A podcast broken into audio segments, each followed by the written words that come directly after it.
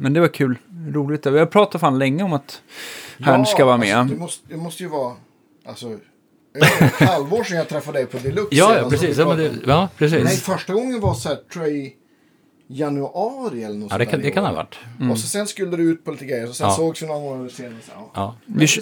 Vi körde ju lite så här, några, det var ett par avsnitt med zombien i alla fall. Men det var inga som ju var så här djupgående tyckte jag heller. Nej, men det, det var... Eller det var lite djupgående, men, men eh, jag tänker inte som jag har planerat att det ska. Nej. Nej, men det, eh, vi snackades vid innan. Det måste ha varit där i januari tror jag, Andreas. Eh, för att du sa då att ja, men vi tar det efter du har gjort Sydamerika med Europe. Så var det. Ja. Och sen så gjorde jag ju Sydamerika sista veckan i februari. Och sen så var det någon gång till om april-maj som du var inne. Eller om det var försommaren, juni, jag vet inte. Ja, men Det det, är som vanligt det där med tiden. Den Ja. försvinner.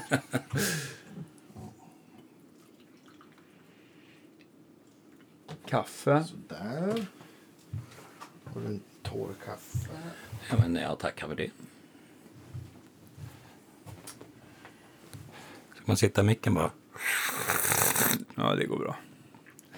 Våra lyssnare är vana vid vid Det detta var någon som slurpande. skrev det i någon kommentar. Man blir alltid sugen på kaffe då man lyssnar. Ja, det är bra. Ja.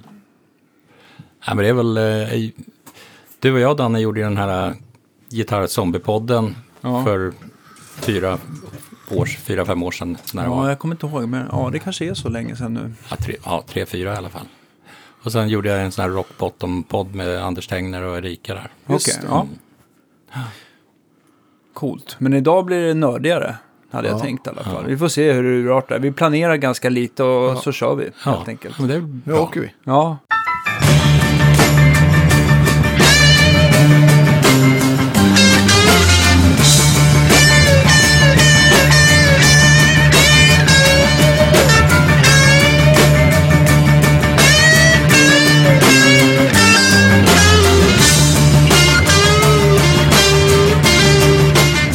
Men välkomna till Guitar Geeks podcast, mina damer och herrar. Ja. Idag är det, det är ju som vanligt eh, Andreas Mustaschen Rydman som eh, sitter till, på, på min vänstra sida. Var har du panorerat dig själv Jag någonstans? låter nog i höger och du i vänster. Okej, jag. ja. Ja. Eh, och jag med. IT-fingrarna som ni känner igen från bilderna. Jag har fått mycket glidningar för det, men det gör ingenting. Och eh, dagens gäst, en gammal arbetskamrat och kanske Sveriges mest meriterade och starsa gitarrtekniker. Eh, eller vad ska man säga, backline-tekniker. Ja, Backline. Ni får välja Vad- själva. Vad säger man? Ehm, eh, och sen så en väldigt, väldigt, väldigt bra gitarrist dessutom. Tycker jag. Mm. Tackar. Jag ska bara veta. Nämligen Peter Roth, välkommen hit. Tack så mycket. Ja. Tack, Ja. tack. Vad heter det? Du har ju i princip hur många historier som helst. För det vet jag eftersom vi har jobbat, vad var det, 11 år tillsammans. Ja, det är På så Deluxe. pass. Ja, Ja, ja, coolt. Så att man, man har hört eh, allt möjligt. Och vi ska prata om när du har varit gitarrtekniker åt Prince och Blackmore. Eh, Yngve såklart, eh, John Norum. Ja, listan är lång. Men jag tänkte att vi börjar någonstans här för att det var, som vi brukar liksom glida in med våra gäster så här var det ju liksom när det egentligen togs de första ackorden. Kom du ihåg det? Ja, de första ackorden eh, togs väl i 9-10 års åldern. Och det var ju... Eh, då hade jag redan varit ett fan av Richie Blackmore under ett par år. Ja. Så att Richie Blackmore hörde jag första gången, jag var väl sju, skulle väl fylla åtta. I och med Deep, Deep Purple in Rock. Eh, Ja. Var det den första skivan du fick höra också? Nej, absolut inte. Nej. Eh, jag har en syster som är sex år äldre än mig. Och hon eh, drog in väldigt bra musik. Allt från Beatles till Creedence och mycket annat. Eh, på, I mitten på 60-talet helt enkelt. Ja. Så att första egentligen man luftspelade gitarr till, det var väl egentligen Beatles She Loves You Yeah. Ja. Som, Bra låt. Som man trodde hette Schlafs Yeah. Gör, gör den inte det? ja. Slaps ju. Ja. ja, men sen var det ju... ehm, Det brukar ju låta så säkert på en, en brittisk pub sent på ja, precis. Schlafs You. Nej, förlåt, den var dålig. Men, ja. Nej, men sen, nästa stora impact, eh, förutom Beatles, där, det var väl Creedence, när man hörde första Creedence-plattan med Susie Q Ja, visst. till exempel. Bra låt. Så att det, det liksom tyckte man, wow, det här var häftigt. Och det var väl några Creedence-plattor som kom därefter innan man började lyssna på Purple. Och i samma veva som Purple, då kom ju självklart Led Zeppelin. Sabbath var inte riktigt samma era som för mig, eh, att man började lyssna. Det kom väl runt Sabbath, Bloody Sabbath. Eh, men att eh, Led Zeppelin 2 minns jag man lyssnade mycket på också. Men jag tycker i och för sig eh, Tony Iommi ska få mycket cred för allt han har gjort och så. Men det kanske inte är det här bländande gitarrspelet som kanske Blackmore och Jimmy Page hade heller. Nej, alltså Blackmore, för mig i alla fall, han, han var ju... Han kom ju med någonting nytt. För att eh, det var ju väldigt bluesbaserat, jag menar även Page, liksom en Clapton och även Beck på 60-talet och sådär, så var det väldigt bluesbaserat. Och eh, när Blackmore kom, och menar även solot på Child in Time, det var ju helt annorlunda. Jag menar, Alvin Lee, Ten Years After hade jag ju hört också innan det och han var ju ganska blandande med, men det var ju mycket, baserade sig på bluesen även om I'm going home och sånt där, han är ju väldigt snabb om man säger som gitarrist som de andra kanske inte ja, visade på samma sätt. Men eh, Blackmore, var han först i ledet när det gäller att blanda in den här klassiska eh, ådran lite grann? Eller var det Uli? Nej, nej, Blackmore var före Ule. Uh, Ule var ju inspirerad av Blackmore. ehm, som han läste då på, i alla fall på 70-talet. Han kanske inte erkänner idag, men jag vill minnas att Ule eh, satte Blackmore som en av sina influenser. Även om första plattan med Scorpions kom väl ut 73-74 med Uli. Ehm, så hade ju Blackmore redan haft, kört med Deep Purple från 68 och In Rock som sagt var kom ju 70. Och Precis. där mellan 70 och 73, han gjorde ju Blackmore väldigt mycket. Det var ju den klassisk, klassiska Mark II-sättningen och Made in Japan, Just. hela det där. Ja. Så att Highway Star med arpeggiorna där Ja, och visst. allting kom ju. Det måste ju vara oerhört banbrytande liksom. Ja, jag, jag, jag tycker det i alla fall. både tekniskt och musikaliskt. Ja, I och med att all, all, liksom, all rock var fram till dess ganska bluesbaserad. ja.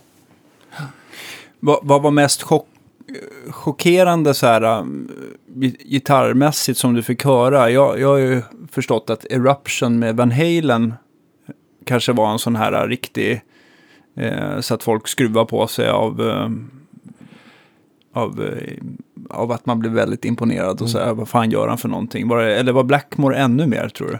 ja för Hendrix mig... har väl säkert gjort en hel del. Jag menar, ehm, för mig var Blackmore det. ehm, men det var, då hade jag ju ändå lyssnat på musik innan. Och jag, jag minns det som igår, som man brukar säga. Att när syrran hade Deep Purple in Rock liggande på sin skivspelare i sitt rum. Och jag, hon är i plugget eller ute någonstans. Och jag går in i rummet och sätter på första spåret och hör Speed King braka loss. Och det Ja, var visst. bara som att halleluja moment i kyrkan liksom. Ja. Det var, då hade man sett Gud. Ja. Då så hörde man den, Jävla bra riff. ja. Så att eh, Speed King, Bloodsucker och ehm, Child in Time. Där, och man bara satt med hakan nere vid knävecken och bara wow, vad är det som händer? Så att det gav en sån stor impact så att jag menar, när Van Halen kom, först och främst så var man så inbiten Blackmore-fan, även om jag liksom diggade Jimmy Page väldigt mycket och lyssnade mycket på de bitarna så tyckte man, ah, vad är det här, någon som kommer att försöka. Så att man var inte mottaglig på det sättet när man hade de här grejerna och ja, det är väl helt enkelt, man, man var inte öppen liksom för det. Men sen när man väl började lyssna på det ordentligt, då bara, fan det här är riktigt bra. Och Van Halen var ju banbrytande. Och i och för sig också långt senare.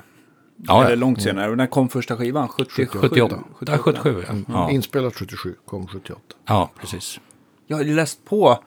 Ja, Va? får vi glida in lite på Van Halen? Jag, jag har ju Jaha. fått massa så här, jag har en, Ja, jag har en kund som älskar Van Halen. Okej. Och Känner det är, jag inte, det, är, det är inte du faktiskt. Nej. men det är faktiskt Thomas Lindgren. Ja, Ja. ja, Ja, du känner. ju till Ja, honom. absolut. mycket. Han har skickat mig massa bilder och han använder sina träslag och allting. Så jag har läst på ganska bra om hans gitarrer Ja, och sådär. Men något som förvånar mig väldigt mycket som inte jag visste. Det var att han hade eh, två stycken JBL blandat med gamla eh, eh, Celestion. eh, Celestions. Ja, Okej. I sina högtalarlådor. Och jag tänkte så här. Jo, det kan man se på det någon där- bild. Ja, att vet. där silvriga... Ja, precis. De Ja. här silverversionerna. Och så tänker man så här, hur fasiken, det måste ju vara det mest hopplösa elementet någonsin, tänkte jag, att koppla in en distpedal för att liksom, Mm. diskanten sticker iväg. Men ehm, ja, jag blev förvånad helt enkelt. Men jag tänkte om det är någon som har provat någon sån låda eller någonting. Så. Nej. Nej. Nej, jag minns Nej. bara på um, slutet 70 eller under 80-talet när man jobbade med musikaffärer. Man fick in en del Fender-stärkare med JBL ja. och stålkonen där. Och de lät ju väldigt hårt tyckte man. Ja. Alltså inte hårt som häftigt utan hårt som skarpt. Mm. ja. Frågan återstår ju då om, om, eh, om det element, någon av de elementen var mickade. Det vet man ju inte. Nej. Ja, eh, vi ska fördjupa oss det där. Ja. Vi, vi får ta in, eh, om det är någon som kan rekommendera en så här riktigt, riktigt, riktigt inbiten Van Halen-fan så Ja. kan vi ta något dedikerat program till det. Det tycker jag. Eh, åter till, eh, Peter. till dig Peter, eh, fokus. Eh, men, eh, Men börjar du, Ja. börjar du lira? Nej, jag började inte lira på en gång. Ehm, utan ehm, man gick ju i det här i musikskolan och lärde sig blockflöjt och det var väl i tvåan. Då var jag väl, ja det var väl det året helt enkelt. Och jag, jag ville ju spela gitarr. Men började med blockflöjt och sen så skulle man ju välja instrument och jag valde gitarr men det fanns inga platser. Och jag fick börja med fiol istället så jag körde fiol i två år.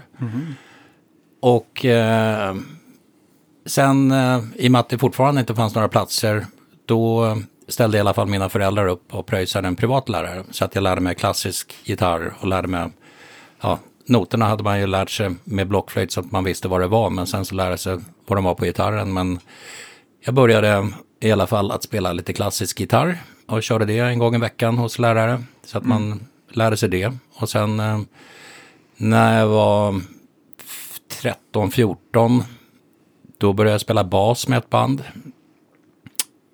Eh, 14 var jag nog. vad var det för stil på det bandet? Kommer du ihåg? Ja, det var, det var lite mera... Det var lite softare, lite Eagles och sånt där. Faktiskt, när jag spelade bas. Jag minns vi körde One of these nights i alla fall. Med Eagles.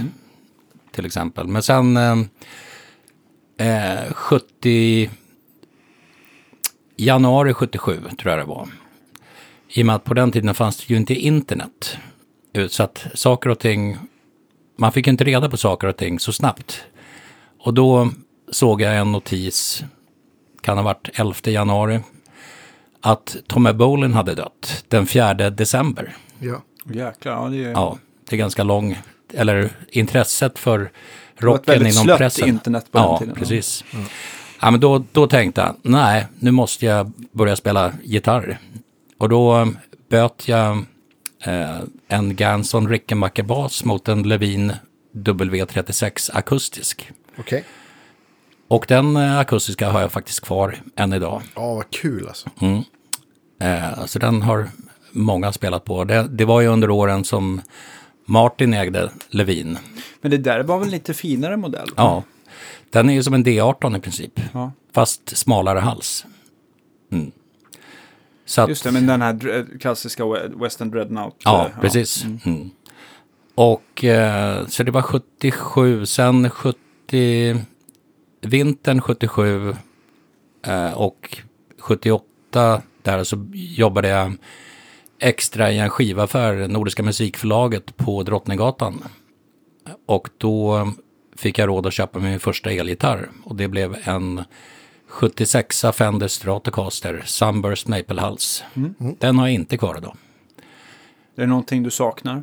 Eh, ja, det det, av affektionsvärde hade det varit kul att ha haft, men eh, ja, Det är ingen omöjlig gitarr att, att få nej, tag på sådär. precis. Och den var väl inte världens bästa heller. Om man liksom ska hårdra det, utan det är mer affektionsvärde. Jag menar, trebult och sådär. Det, den, den satt ihop och var en strata.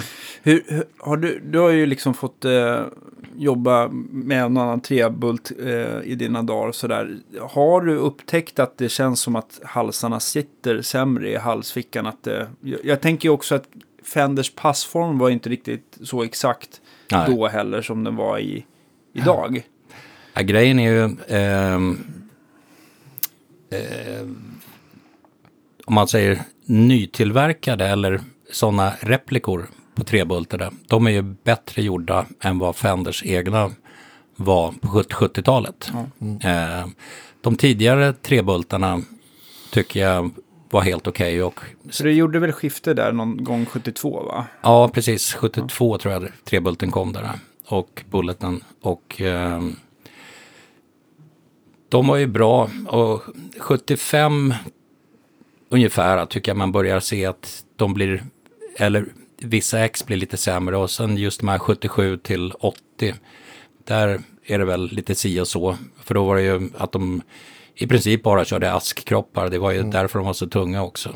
Mm, och framför, det fanns ju lättare för ask, till skillnad från al, kan ju variera Mm. Ja, enormt mycket. just det, precis. Det kan ju verkligen vara det lättaste eller det tyngsta. Så man ska väl, men, men de hade ju en, de hade säkert fått en, en tung batch där Ja, som alltså- räckte ett tag. Ja, nej men generellt sett så tycker jag ju att många av dem är tyngre än vad de bör vara för att, menar, det är som sagt, man har ju testat många custom-shoppar och en del, ja, typ eh, 54 till 56 som har varit lätta liksom, som är ask.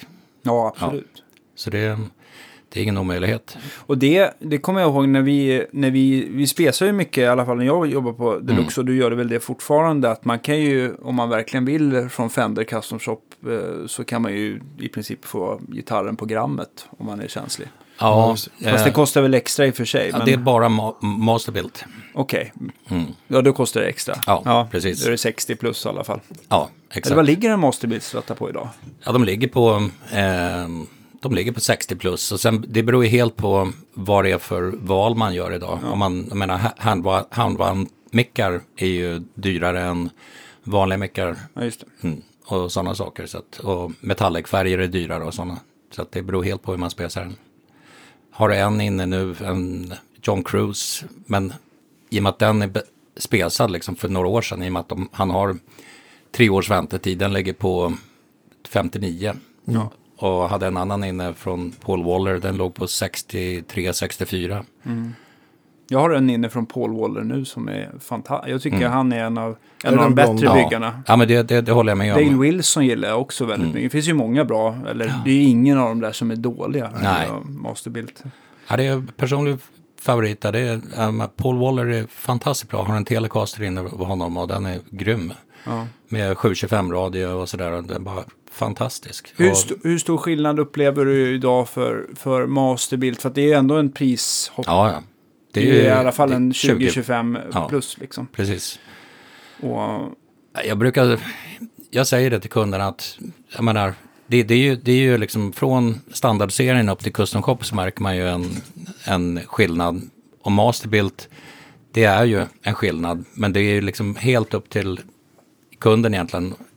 Är det, är det värt för kunden de här 20 000 extra, de här små förbättringarna? Men för, för någon som verkligen jobbar med att spela gitarr, och, eller för, för de som har råd, då är det ju det här lilla extra som verkligen är, bet- det är bättre. ja, den här är Kostar det så smakar det. Ja, Så faktiskt. Tycker jag. Jo, men jag tänker också sådär, jag antar att de där gossarna har, har, ehm, har aningen bättre lön än, än Teambild. ja, Ja. Så att det kostar väl därefter. Men sen så står de väl, det tar väl lite tid allting. De går igenom varenda träslag och lyssnar på dem och knackar och, och, och väljer ut. Och sen så, så de, vad jag förstår det som, så gör de väl allting från scratch själva. De Ja. sågar kropparna och liksom slipar allting. Så att de här teambuilt, då är de ju verkligen, där är en, en kille per station. Så att det blir lite mer löpande band. Ja, så som jag har förstått det eh, så är det väl när det är teambuilt så får de en bit trä. Varsågod, här har ni trä, trä för kroppen, här har ni trä för halsen. Medan då eh, masterbilden, de, eh, de som är träarbetare och eh, väljer trä, de vet, ja men den byggaren tycker om den här ådringen på träet och den byggaren tycker om si och så. Så att då väljer de, ja men här är fem, sex olika bitar, vilken vill du ha? Så går de och knackar och kollar igenom för att få just det de vill ha. Ja. Det är så som jag har förstått det som. Och sen så tycker jag just, i alla fall på Paul Waller, jag tror att eh, det, de andra är lika duktiga, men, men eh, just det här relic-arbetet är också liksom, man känner att det är någon nivå till. Ja. Det är också lite tidsödande. Ja, nej men som sagt, ni får klämma och känna och avgöra själva. Om ni tycker att det är värt det. Eh, vad var vi någonstans? Just det, med, med. T-Bults där. Men eh, ja, men det kan vi fastställa att eh, även eh, sådana här, eh, ja, jag skulle nästan säga att eh, de, eh, de här Mexico Risio och Japan Risio Trebults är ju mer exakt byggda Ja. än många av de där gamla 70-talarna. Ja, men jag, jag är ju, eh, när Erik Stenemo inte har möjlighet så är jag ute på turné med Europe och kör. Och Norum har ju en Japanbyggd 72 Rishu.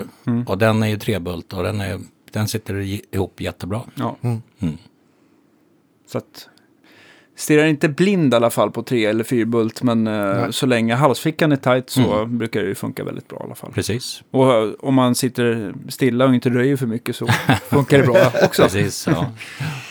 Men, men eh, däremot, jag har ju blivit eh, några av de bästa basarna som jag har känt på, på, vad heter det, på senare tid har ju varit några sådana här som slutet 60 eller mitten av 70 som absolut inte har, som inte har de här strängarna genom kroppen utan är toploaded. Eh, det har varit en trebultad hals och tjocklack och allting. Så här. Okej. Du vet så här, Mm. och så slår man an, eh, så slår man an, bara tar ett ackord över alla fyra strängar. Och sen så känner man hur den här bas, basen liksom så här växer Mm. Från anslaget. Och liksom har, du vet, den har så lång sustain som man... Det är som ju man, kul att ja, det liksom- Så att det, man, jag tycker inte man ska stirra sig blind heller på att det måste vara cellulosa Absolut och si och inte. så. För att det kan, det kan verkligen vara... Mm. Eh. Ja, men det, det är som nu till exempel när man kollar på strater. En av mina favoritstrater och just som om jag pratar som säljare så, där, så tycker jag att American Special som är den billigaste amerikanska stratan. De är helt fantastiska för 11 000 spänn. Just det. Och då, Det är kul. då liksom finns det ju de här American Professional som ligger runt 16 och Elite som ligger runt 18 och sen har man ju Vintage-serien Originals som Just ligger det, runt för, 20. för Vintage Reissue finns inte längre, utan nu heter Nej. den Vintage Original. Ja, precis. Hur är den här nya eh, Eric Johnson-stratan? Den har jag inte testat faktiskt. nej, jag har bara sett den på. Den kanske inte har kommit till Europa ens. Jag har ingen aning. Bara sett den på bild. Ja. Nog, om, nog om det. Men du, det blev elgitarr. Eh, var det 76 eller var gitarren Nej, från 76? 70, 78. 78, gitarren Ja. var från 76. Ja, Började precis. du så här, Kom du ihåg vad den kostade? Två och ett halvt tusen spänn tror jag jag pröjsade. Ja. En del pengar. Ja. Ändå. Hade du stärk och sådär direkt eller? Jag köpte en Marshall Super Lead. Bra där, 100 rätt direkt. Japp, ja då. Jaha. Har du kvar den då? Nej, Nej. den sålde jag till en nuvarande kollegas farsa faktiskt. Okej. Som i sin tur var son till eh, pyroteknikern Gunnar Osbeck. Så att det, det, det, det, det är en hel rad med grejer som man har fått. Jaha, Ja, var det sålde jag den till honom? Så bara, ja, det gjorde jag. så att, eh, ja, Grymt. Så till, till grannarnas glädje så kom du hem med en, japp. en 100 wattare. Tu- tu- Tur att man bodde i villa då. ja, du borde, ja, Ja. perfekt. Då så. Då är det Ja. bara att blåsa på. Var, du, var du i stan är du uppvuxen vuxen någonstans? I eh, Tyresö, Ja. Tro- Trollbäcken. Just det. Mm. Ja, det är trevligt. Det är som att vara på landet. Det måste ju vara ännu mer så då. Ja, ja men det var bra. 70-talet liksom. Precis. Och sen i, då var det ju gymnasiet och då började jag lira eh, med några, eh, en eh, klasspolare i gymnasiet. Eh, Basil Micke Uppman, Micke Stork Uppman som han heter idag. Han sjöng och spelade gitarr och jag spelade eh, lead-gitarr. Eh, Och sen så var det Kristoffer Ståhl eh, på bas som sedermera också gick över och fokuserade på gitarren och blev Han fantastiskt fantastisk bra. gitarrist. Riktigt bra. Han spelade på Talismans första platta till exempel. och just det. hade power och ehm, Han måste vi ha. Ja, såklart. mm, Ja. han är grymt bra. Ja. Och eh, Kjell Eriksson på trummor. Och eh, i och med att Kjelle och Basil eh, kände Yngve så var det därigenom jag fick kontakt med Yngve. Yngve kom ner i replokalen någon gång där. Och då hade du eh, eh, replokal där vid Tyresö? Nej, eh, vi hade replokal. Men det är troll, Trollbäcken, det är mer åt Haninge kanske? Ja, precis. Eh, vi, det var då, vi gick i Fredrika Bremer gymnasiet och eh, de andra bodde ute i Haninge. Och jag tror den heter Mårtenbergsskolan. Vi hade replokal i skyddsrummen där. Och då kom Yngve dit vid något tillfälle. Och eh, eh, tog min strata och lirade. Och då förstod man, mm, där är en kille som är lite bättre. Hur gammal var han då? Han, han är ett år yngre än mig, så att om han var 15 och jag 16 eller han 16 och jag 17, någonting sånt var det. Så att, eh, Vad var ditt första intryck förutom att han var väldigt bra på att lira? Så här, hur var... nej men vi, vi klickade bra faktiskt från början, så att det var bara wow. För att, och det verkade som att just den här ömsesidiga respekten för Blackmore fick oss att liksom bonda. Och eh, jag började ju jobba i musikaffär där runt 78-79. Och eh, då började vi hänga och eh, ja, snacka massa. Och jag började åka ut som ljudtekniker åt honom när de lirade med Rising Force. Just det. De här klassiska Forellan-giggen som finns på video. Och eh, sen, eh, Bollmora, tänker ja jag. precis. Och det... Det är Forellan. Okej, okej. Ja. Och även eh, Draget tror jag det hette ute på Lands Väsby. Någonting sånt. För han gjorde väl inte så många spelningar i Sverige innan han flyttade till USA? Nej. Har jag jag läst i någon av böckerna. Nej, precis. Eh, Det var, var inte så många, men jag var väl med. Jag, vi gjorde ett gig på Domino också, vet jag. Eh, det var en, en, inte rockfestival eller bluesfestival, utan det var en musikfestival. Ja. Och det, Yngve lirade och Roffe Wikström headlinade. så det var en ganska bra blandning. Ehm, Undrar vad Roffe tyckte om Yngve då. ja, det var högt, minns jag. Men ja, det var väl högt också, för han körde väl, det var väl Marshall på fullt? Mm. Ja, ja, precis. Det var det. Ja. Det var ingen som, som kunde få han att sänka. Nej. Och Så var re, det. och re, från första början ändå hade liksom Yngve liksom kommit fram snabbt till det här äh, strata in i Dodd, in i Marshall. Marshall. Ja, absolut. Det var det. Och då, på den tiden körde han ju FS1-mickarna eh, till Martius för att få lite mer drag. Ja. Och sedermera, efter första solplattan blev det ju HS-serien då, stackade mickar. Var det HS2 först? För HS3 Ja. kom efter? Ja, precis.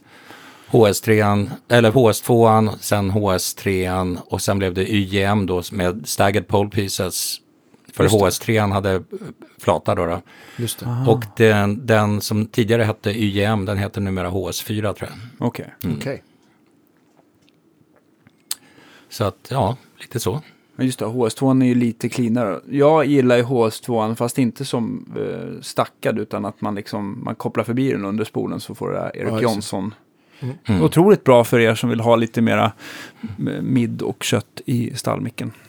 Kan rekommenderas. Vad hette ditt band som, som du hade där i, i Tyresö på den tiden? Eh, det som vi hade då hette Rising. Ja. Efter självklart Rainbows andra platta. Ja, och såklart. Yngve hade Rising Force, Ja, sitt band. Eh, så att det var ju mycket sådana grejer. Och det band jag spelade bas med eh, innan, runt ja, 75-76, det hette Force. Och det var ju sen också att Europe hette ju också Force senare. Så att alla de här grejerna låg ju på något sätt och jäste överallt för att det här var namn som liksom låg inom rockbranschen vid den perioden. Så att det, det fanns ju många varianter av det hela. Trots att man inte vid den tidpunkten kände varandra på det sättet. Vem, vem var... eh, Jag förstod att Yngve var väldigt eh, eh, eh, omtyckt som gitarrist sådär. Men vem var, vilka lokala gitarrhjältar fanns det i Stockholm då? Har du några som du såg upp till? Ja, det var, där jag gick i plugget så var det en eh, gitarrist som hette Marcus eh, Svartkreutz. Eh, Och sen så var det eh, bekanta till min syrra, en kille som hette Marcus Pettersson, som eh, sen också tog med Kent Kron. Så att eh, Kent eh, tog man också upp till och han visade mig Mistreated första gången minns jag. Yeah. Så att, eh, ja det var väl lite så. Eh, det var väl mer att man lyssnade på plattor och sådär. Men, men tog du, tog du eh, mycket gitarrlektioner på elgitarr också? Eller Nej. är det mer självlärd? Tog inga gitarrlektioner på elgitarr utan där, där är det mer att man, Vrider upp? ja, Ja, precis. ja. coolt. Vad var det som, som fick in dig på, på banan att bli ja, men, gitarrtekniker eller backliner? Nej, det var faktiskt Yngve som frågade mig. Eh, I och med att vi kände varandra och jag hade meckat gitarrer i musikaffär och allting sånt där. Så att det var 1987 frågade han mig. Och då åkte jag över i april 87 till eh, Los Angeles. För att eh, eh, ja, han skulle göra en ny platta då som sedermera blev Odyssey-plattan. Hans mest sålda platta. Så att eh, jag Du var med under inspelningen då? På den? Nej, Nej? det var lite grejer som hände emellan där. Så att, eh, men jag var med under repetitioner och sök av sångare. Så att vi eh, testade en kille, jag kommer inte ihåg vad han heter idag, men vi var nere i Cherokee Studios i alla fall i Los Angeles och testade någon snubbe som var påtänkt. En blond, lockig kille.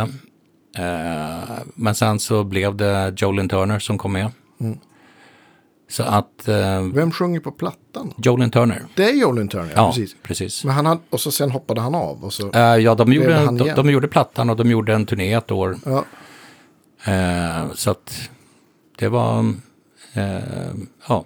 Men var det inte lite skruvat där med Yngve att han hade, han hade, så, det var väl Jeff, Jeff som sjöng på de två första. Men just att det var någon som var med på plattan fast sen någon annan sångare som åkte på turnén. ja, men så här var det att det var Jeff som sjöng på um, första plattan. Ja. Och sen var det Mark Bowles som åkte med på turnén. Och så var det Mark Bowles som sjöng på andra plattan. Och så var det Jeff som åkte med på turnén. Så att det var liksom omvända roller Ja. på det sättet. Snurrigt. Ja. Och sen blev det Joel, nej ska vi se. Jag vill- nej, nej, jag vill förlåt. minnas nej, är nej, Jeff nej, men två så- första. Ja, men så, förlåt. Eh, Jeff sjunger på, du har helt rätt. Jeff sjunger på eh, första Rising Force, de två låtarna det är sång på, och sen sjunger han på Marching Out. Med de här det, poetiska texterna. Ja, precis. De djupa texterna. Eh, och sen så kommer, eh, var det Mark Bowles som var på Marching Out-turnén, tror jag. Och sen så var det Mark Bowles som sjöng på tredje plattan, Trilogy. Och sen Jeff som åkte med på turnén. Har jag för mig. Det var någonting i den stilen. Där får Jens och Anders korrigera mig om jag har fel. Eh, och sen så i alla fall, vi gjorde, ehm, vi började repa inför Odyssey. Joe och eh, Yngve höll på att skriva låtar. Och vi repade i, eh, på Ventura Boulevard någonstans. Och sen så i samband med midsommar 22 juni så blev det lite för mycket festande och eh, Yngve och jag tyckte att vi behövde lite mer öl och åkte klockan sju på morgonen för att köpa lite mer öl. Och på vägen hem så eh, drog han antagligen på lite för mycket i en kurva och vi eh, krockade med ett träd som stod i vägen typ 150-200 meter från huset där vi bodde. Och sen fick vi åka till sjukhus och eh, lite konvalescent ett tag. Så att eh, jag åkte väl, Yngve låg i koma en vecka och eh, kunde inte hålla ett plektrum på ett bra tag. shit alltså. Fan vilken panik det måste ha varit. Ja, För ja men det honom var, alltså, om jag kan inte ens tänka mig själv hur det skulle kännas. Och inte kunna lira liksom. nej, men det kom ju fram också då att den managern inte hade försäkrat vare sig eh, bil eller Yngve eller någonting sånt. Nej. Så att, eh, det var ju skivbolaget Polygram som tog upp räkningen och de hoppas ju få tillbaks pengar så att, på det. Så att eh, de eh, lyckligtvis pröjsade sjukhuset för Yngve. I, Yngve fick stanna på sjukhuset vi togs till eh, för att han var så pass, i och med att han var i koma. Och eh, jag kördes ner till eh, UCLA Hospital där eh, alla gängoffer ligger liksom som inte kan betala för att de visste inte att jag hade reseförsäkring. Just det, okej. Shit alltså. Så att jag låg där ja, fem, sex dagar i alla fall.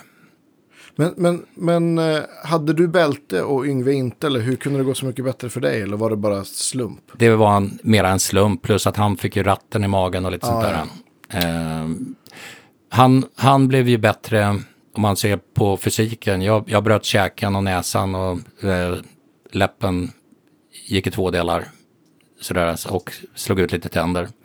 Medan han, han låg i koma men hade ingenting, inget fysiskt, liksom, Ja, några brott på något sätt. Och så. Men att ehm, vi hängde sen då, då. Han vaknade till på sin fö- födelsedag, 30 juni. Och sen eh, fick åka hem lite efter det och började ju verkligen fokusera på att hålla ett plektrum. För att plektrumet, ja, nu kan inte ni lyssnare se det, men att ni två här, just trycket, man håller plektrumet mellan fingrarna, att det bara gled sådär. Ja, okej, han Det- kunde liksom inte hålla fast. Nej, kunde inte liksom klämma fast nej. plektrumet. Ja, så, så man kan säga att spetsen rullar in. Ja, liksom. precis. Men var det någon rullade. nervskada då? Eller visste de vad det var för någonting? Nej, eh, han, fick, eh, han fick lite olika mediciner eh, för att liksom, ja, nervbanorna, någonting.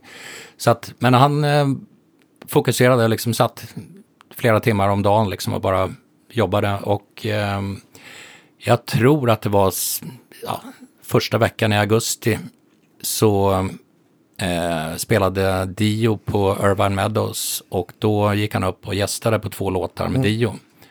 Körde Man on the Silver Mountain om det var Long Live Rock'n'Roll eller någonting annat.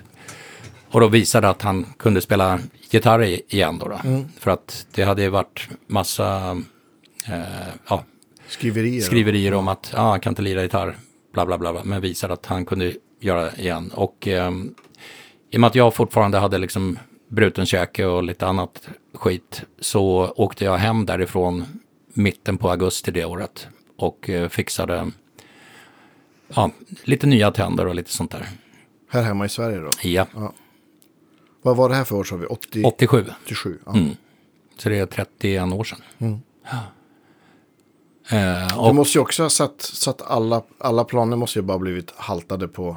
Ja, skivan tror jag började spelades, spelas in i oktober sen. Jag minns att ehm, eh, både då och eh, senare så jobbade jag med Jeff Glixman som var producent på den skivan. Och han berättade att han hade kommit till Los Angeles för att vara med under förproduktionen, repen på skivan. Och så kommer Jolin Turner till flygplatsen bara. Yngve och Peter har varit med om en bilolycka. Det är liksom inställt allting. Och han bara trodde att det var ett skämt. Bara, ja, ja, säkert. Ja, men kom så åker vi. Nej, nej, men det är sant. Ja, shit Nej, nej. alltså. Så att då liksom, ja, alla liksom var tvungna att lägga planer på is och fortsätta senare. Så att ehm, eh, Jeff jobbade sen på Seven Sign-plattan som var den första plattan som jag, eh, när Yngve frågade mig igen, 93 om jag eh, ville jobba med honom. Men ja, Just det, det blev några skivor emellan där.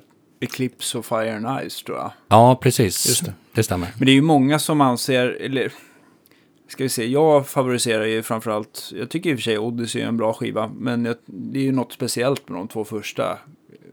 Rising Force och Marching Out. Ja, Mm. jag tycker att det...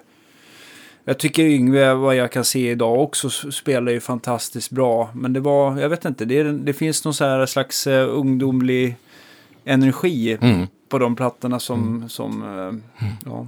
Jo, även med Alcatraz tycker jag var riktigt bra där alltså. Ja, herregud. Men, men kändes så som, tyckte Yngve själv att han liksom kom tillbaka i, i fornstora uh, stora? Ja, det, det tror jag att han Efter- tyckte. ja. Ja. Jag var ju där, eh, för att dra tillbaka klockan lite grann, jag var ju där även 84. Eh, då, ja, första gången jag var i USA 82 när jag jobbade för en musikaffär och vi köpte gitarrer i New York. Och sen så 84 åkte jag tillbaks och hälsade på några i Ohio som jag lärde känna på den resan 82. Och då passade jag på att ta en vecka i Los Angeles och hälsa på Yngve. Och det var ju precis när han re repade, eh, typ någon vecka innan han gick in i studio för att spela in första Rising Force-plattan. Ja, coolt.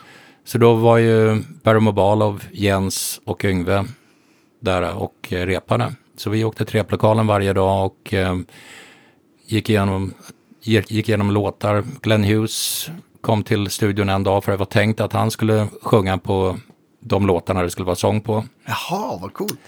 Så han satte sig vid en flygel och började spela lite grann och sjunga. Det var ju första gången man träffade en av sina idoler Ja, på det sättet. Det var häftigt. Men då, då gick, ehm, då var Yngve fortfarande med i Alcatraz. Så att eh, de hade något gig i, ehm, ja, Long Beach eller någonstans. Och då åkte Jens och jag med och, och kollade det giget. Så, så såg ett Alcatraz-gig i alla fall. coolt. Faktiskt. Hur var det då, tyckte du? Var det, Ja, det var bra. För, det, för då hade väl verkligen så här ryktesspridningen om Yngve kommit igång Ja, där ja, borta. absolut. Det var väl, var väl ganska populärt att gå på här. Ja, Eller jag vet inte, eller kanske det började redan, förbandet innan hette Steeler. Steeler va? Ja. ja. ja. Han Nej, men det var... fantastiskt. Ja, ja, shit. Det finns ju något sånt här, äh, något där han gör liksom sitt solo-nummer med Alcatraz på YouTube finns en. Han spelar Ja. alltid motpedaler. Och det är också, där är också så fruktansvärt bra gitarrljud alltså. Ja. Det, det är liksom, man har, det är liksom inspelat väl och det, det är också, det är så här fascinerande rent också, Mm. slås man av. Då man, I alla fall på det klippet liksom. Ja, men jag tycker, eh, eh, vad det än var för mickar han körde med då, jag tror att det var FS1 han körde med då, så tycker jag att det soundet var bättre än, än det senare soundet. Och sen så, jag har några andra kompisar, vi har, som de är lite yngre fanatiker, de har, brukar spela upp några YouTube-klipp ibland och man kollar på de tidigare kontra de senare och de, de tidigare spelade desto lite mer rent eller liksom det spelades utan delay på det. Ja, just det, liksom precis. att det han spelade var istället för att spela tillbaks mot delayerna för att liksom få det att bli fylligare. Mm. Sådär. Så att det går igenom mer vad han spelar på de tidigare klippen tycker jag. Just det. Ja. Hade han, var det någonting annat som skilde liksom från eh, tjocklek på strängar eller, eller plektrum eller någonting sånt där tror? Nej, ehm, vad jag vill minnas så, jag menar, 08 har han ju kört på i alla, alla år och sen så har det väl ehm, ändrats lite grann kanske mellan bassträngar om det är 42 eller om det är 46 på E6an liksom sådär. Men att ofta 8, 11, 14 har liksom hängt med. Mm. Oavsett stämning liksom. Ja, det har väl varit... körde väl alltid S va? Ja, Ja. det kanske är så.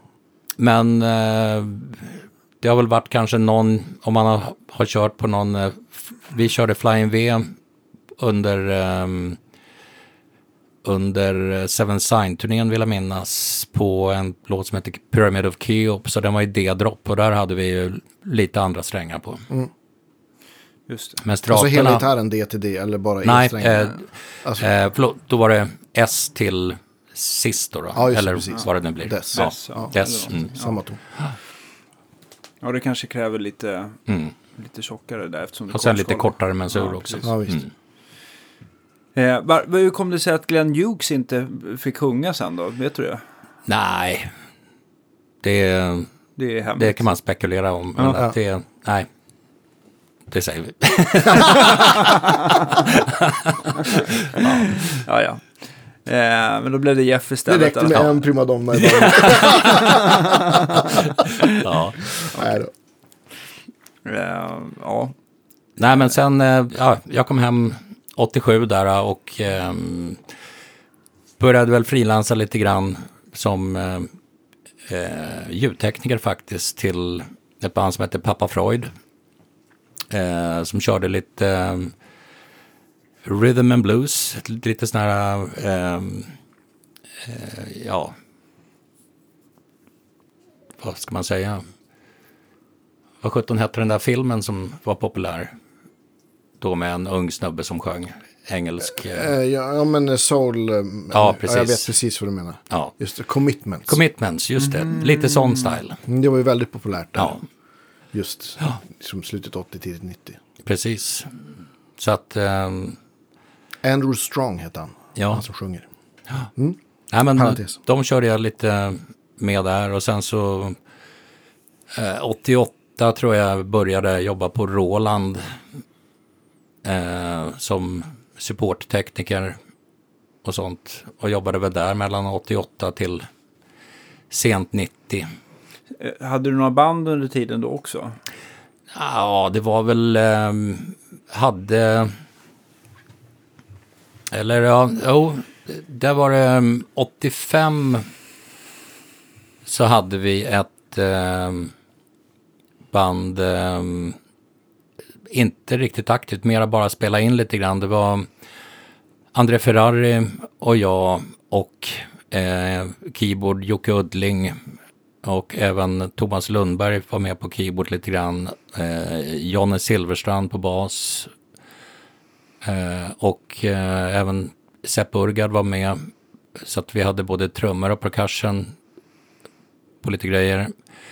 Eh, det var inte mycket rep där utan det var mera ett eller ett par gig. Jag minns inte riktigt. Men vi spelade in lite, lite grann. Och sen fortsatte Thomas Brandt och jag eh, med André Ferrari och hade ett band som hette Pros and Cons. Vi spelade heller inte live, vi spelade in fem, sex låtar i dåvarande Soundtrade-studion med en amerikansk producent som heter Derek Nakamoto.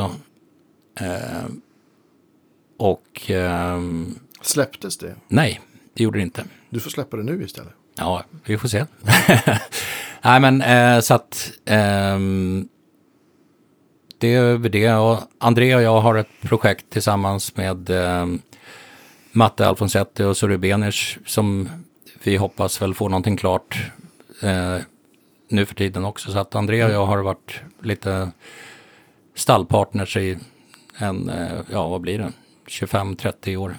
Ja, det är en Garden of Eden va? Nej, Plants of Eden. Plants och Eden. Ja, Fick jag Garden från? Ja, förlåt. Ja. Inte- ja. Så Plants of Eden eller Plants of Eden, hur man nu väljer att uttala det, engelska, amerikanska. Vi Yes. ser fram emot. Fin, Ja. Mycket fin orkester. Ja, Men är det lite så här 70-doftande då? ja det, är, det är lite 70-doftande och det är Jocke Svalberg från Opeth Ja. som är med och eh, gästar på keyboard där också. Så att det Kul. är mycket, hur mycket har ni spelat in? vi har spelat in fem låtar där och det Mm. är inspelat med eh, Chris Tangarides som gick bort här i januari som också producerade Gary Moores första soloplatta och även senare bluesplattor och Judas Priest Painkiller Okej. och lite sånt. Så att jag lärde känna honom under eh, 90-talet då när jag jobbade med Yngve. Som han producerade tre plattor tror jag med Yngve. Så att vi höll kontakten in i slutet till och med. Så att tanken var att han skulle mixa det om vi hade blivit klara med det. Men sen vi pratades vid i november, mitten på december senast. Och sen så 6 januari så gick han bort i Eh, han hade haft lunginflammation lung, eh, inflammation, eh, kort efter varandra och var diabetiker och hade också haft legionärssjukan för eh, 2014 tror jag det var. Varit nära döden där också. Så att det var, han hade haft mycket problem liksom under en lång tid. Men väldigt, väldigt trevlig och bra kille att jobba med. Och just den här old school principen med att spela in. Så- Tagningar liksom? Ja, vi, liksom- de, de inspelningarna vi har, det är liksom allting är live. Eh, och sen så, det är lite pålägg som ska göras nu då för att få klart det. Men att det, Var är det inspelat någonstans? det är inspelat i eh, en studio vid Sankt Eriksplan som numera heter North, Northbound Studios. Okej. Eh, där även Europe spelade in, eh, eh, vad heter den, Kings någonting. Ja, men just det, precis. Det är den här nya, War of Kings. nya stora som... Ja, ja, precis. Den näst senaste Ja. plattan. För den det. senaste Ja, plattan vet spelar de in i Abbey Road. Med Faktiskt. Dave Cobb. Ja, Ja, och det Stor gjorde de även då War of Kings med Dave Cobb. ja. Bra plattor. ja verkligen. Alltså. Ja. Mm. Det ser jag fram emot. Det får ni, får ni ta och släppa. Ja, Det låter, låter som ett gig jag vill gå på också. ja, ja men det, det hoppas jag verkligen Matti det är blir en, av. en, en, en, eh, både en, en god vän och en fantastisk sångare. Ja, Han är, han, jag brukar säga det, bara han öppnar munnen så låter det bra. exakt. Ja, jag håller med. Nej, men att för mig som... eh, Bra gitarrist också. Ja. Nej, men för... Ja, han spelar, ja, han spelar bra gitarr. Ja, ja. Jag, jag, tro, jag trodde du menade mig där. Jag, Ja, men det är också. Ja, men det- men det tar vi- det jag det var det jag skrattade jag är åt. jätte, jätte, jättebra gitarrist. För mig, för mig är det verkligen ett privilegium att få sp- spela med allihopa i, i det bandet. Det är fantastiskt. Det projektet började som ett soloprojekt för mig för att jag tyckte, äh, fan jag måste få ut nå- någonting Ja. själv. Så att Sörjo, André och jag eh, började repa och de gav mig så positivt för låtarna jag hade. Och då tyckte jag att, men, varför gör vi inte ett band av det här istället för att sätta mitt namn på det? Så att eh, där har väl Matte och jag har väl gjort det mesta medans eh, samtidigt så är det ju det att alla i bandet har ju varit med att- och petat i det och någon har gjort en brygga här och där eller just arrangemangen att alla har varit med och sagt sitt och det, det är så det ska vara tycker jag när man håller på och jobbar att alla, alla ska vara delaktiga liksom. Ja, men visst. Men till den här kommande skivan, vad hade du för grejer när du spelade in? Kommer du ihåg? Nu förekom du mig. Ja, jag visste att du, jag såg att du laddade. Ja. Ja, Jag ja, skulle men, ta kaffe sen Ja, precis, men då hann jag före, vet du. Ja, det är bra. nej men då, då var det mestadels en eh, eh, custom shop strata, eh, en 67 med Abigails 69-mickar. Så att, och en eh, Gens Benz Black Pearl 30 som är en AC30 butik med en eh, Marshall 412. Okej. Så att eh, det var mestadels eh, rätt in. Eh, jag hade en eh, Clone Centaur eh, på en del grejer. Eh, och sen var det också en, eh, ja, en Univibe på några grejer. Hur använder du din klon? Använder du den som clean boost eller som overdrive?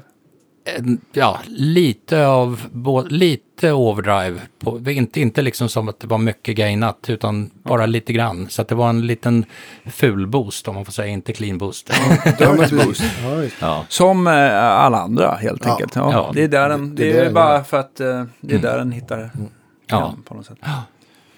Eh, Men det låter som en underbar setup. Men du har alltid varit ganska förtjust i de här lite, vad ska man säga, sena 60-tals mic- Fender-mickarna. ja, Vad är det du tycker att de har? För de har ju den här mörka Plain ML-tråden och Alnico 5-magneter brukar det ju vara, Mm, ja. om jag inte missminner mig. Nej, men att det jag tycker med dem, det är ju ehm, först och främst att på det rena så har man den här, om man får kalla det glasiga, klockiga tonen. Ett ehm, bra exempel på det, det är ju eh, Hendrix Little Wing från Winterland och eh, den var väl med på In the West fanns det en liveplatta som hette, som jag tror är Winterland-versionen av Little Wing. Mm. Eh, där Hendrix rena gitarrsound där är helt underbart. Det måste jag lyssna på så fort jag kommer hem. känner Ja. Så att det är en av de bättre versionerna tycker jag också på Little Wing Ja. som han har gjort. Vi kanske kan knoppa ihop en liten Spotify-lista av det vi har pratat om. Ja. Eh, av, det, av det som nu finns på Spotify givetvis.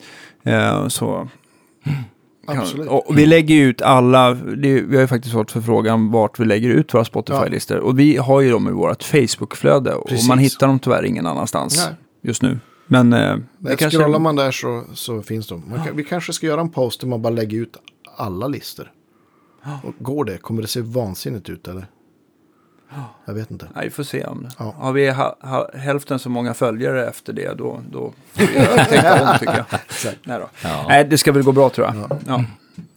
Tillbaks Henriks Ja. Little Wing, Winterland.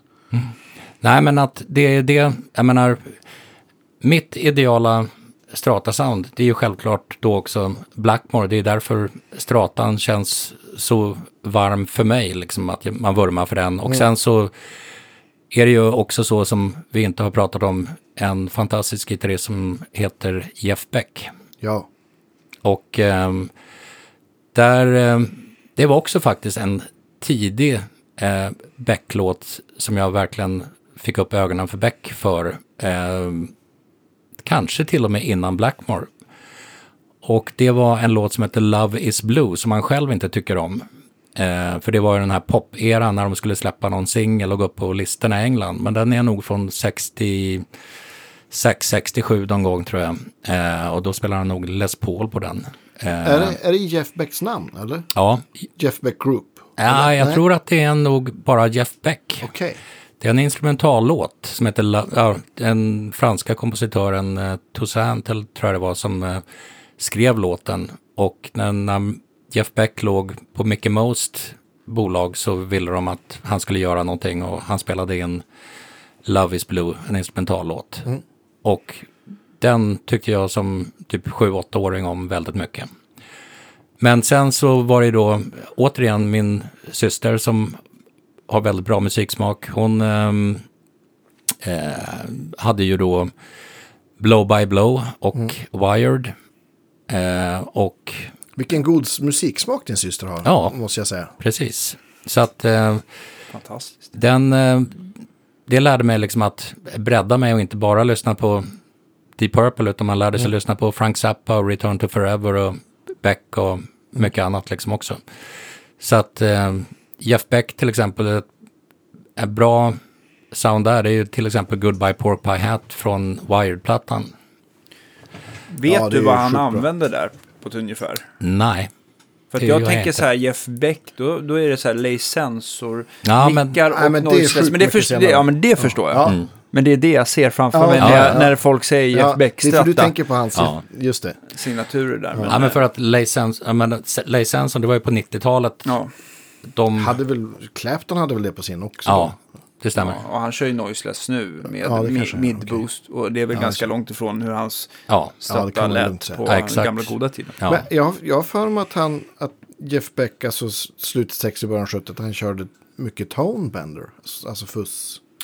ja, det har jag också läst någonstans faktiskt. Jag är verkligen ingen expert på I din, Nej. din värld har ni. Ja, precis. Nej. Ja, men att Jeff Beck, ehm, från det här första, som sagt var Love is Blue, instrumentala låten som är väldigt melodisk och vacker. så ehm, har man bara tyckt att det är ehm, av de, gitarrist, de äldre gitarristerna som fortfarande spelar idag, han, han är en av de få som verkligen förnyar sig. ja, Jag tycker otroligt mycket om den här Hail, eller Loud Hail, eller vad heter den? Hail Louder tror jag den heter. Eh, som är nog hans sista studioplatta.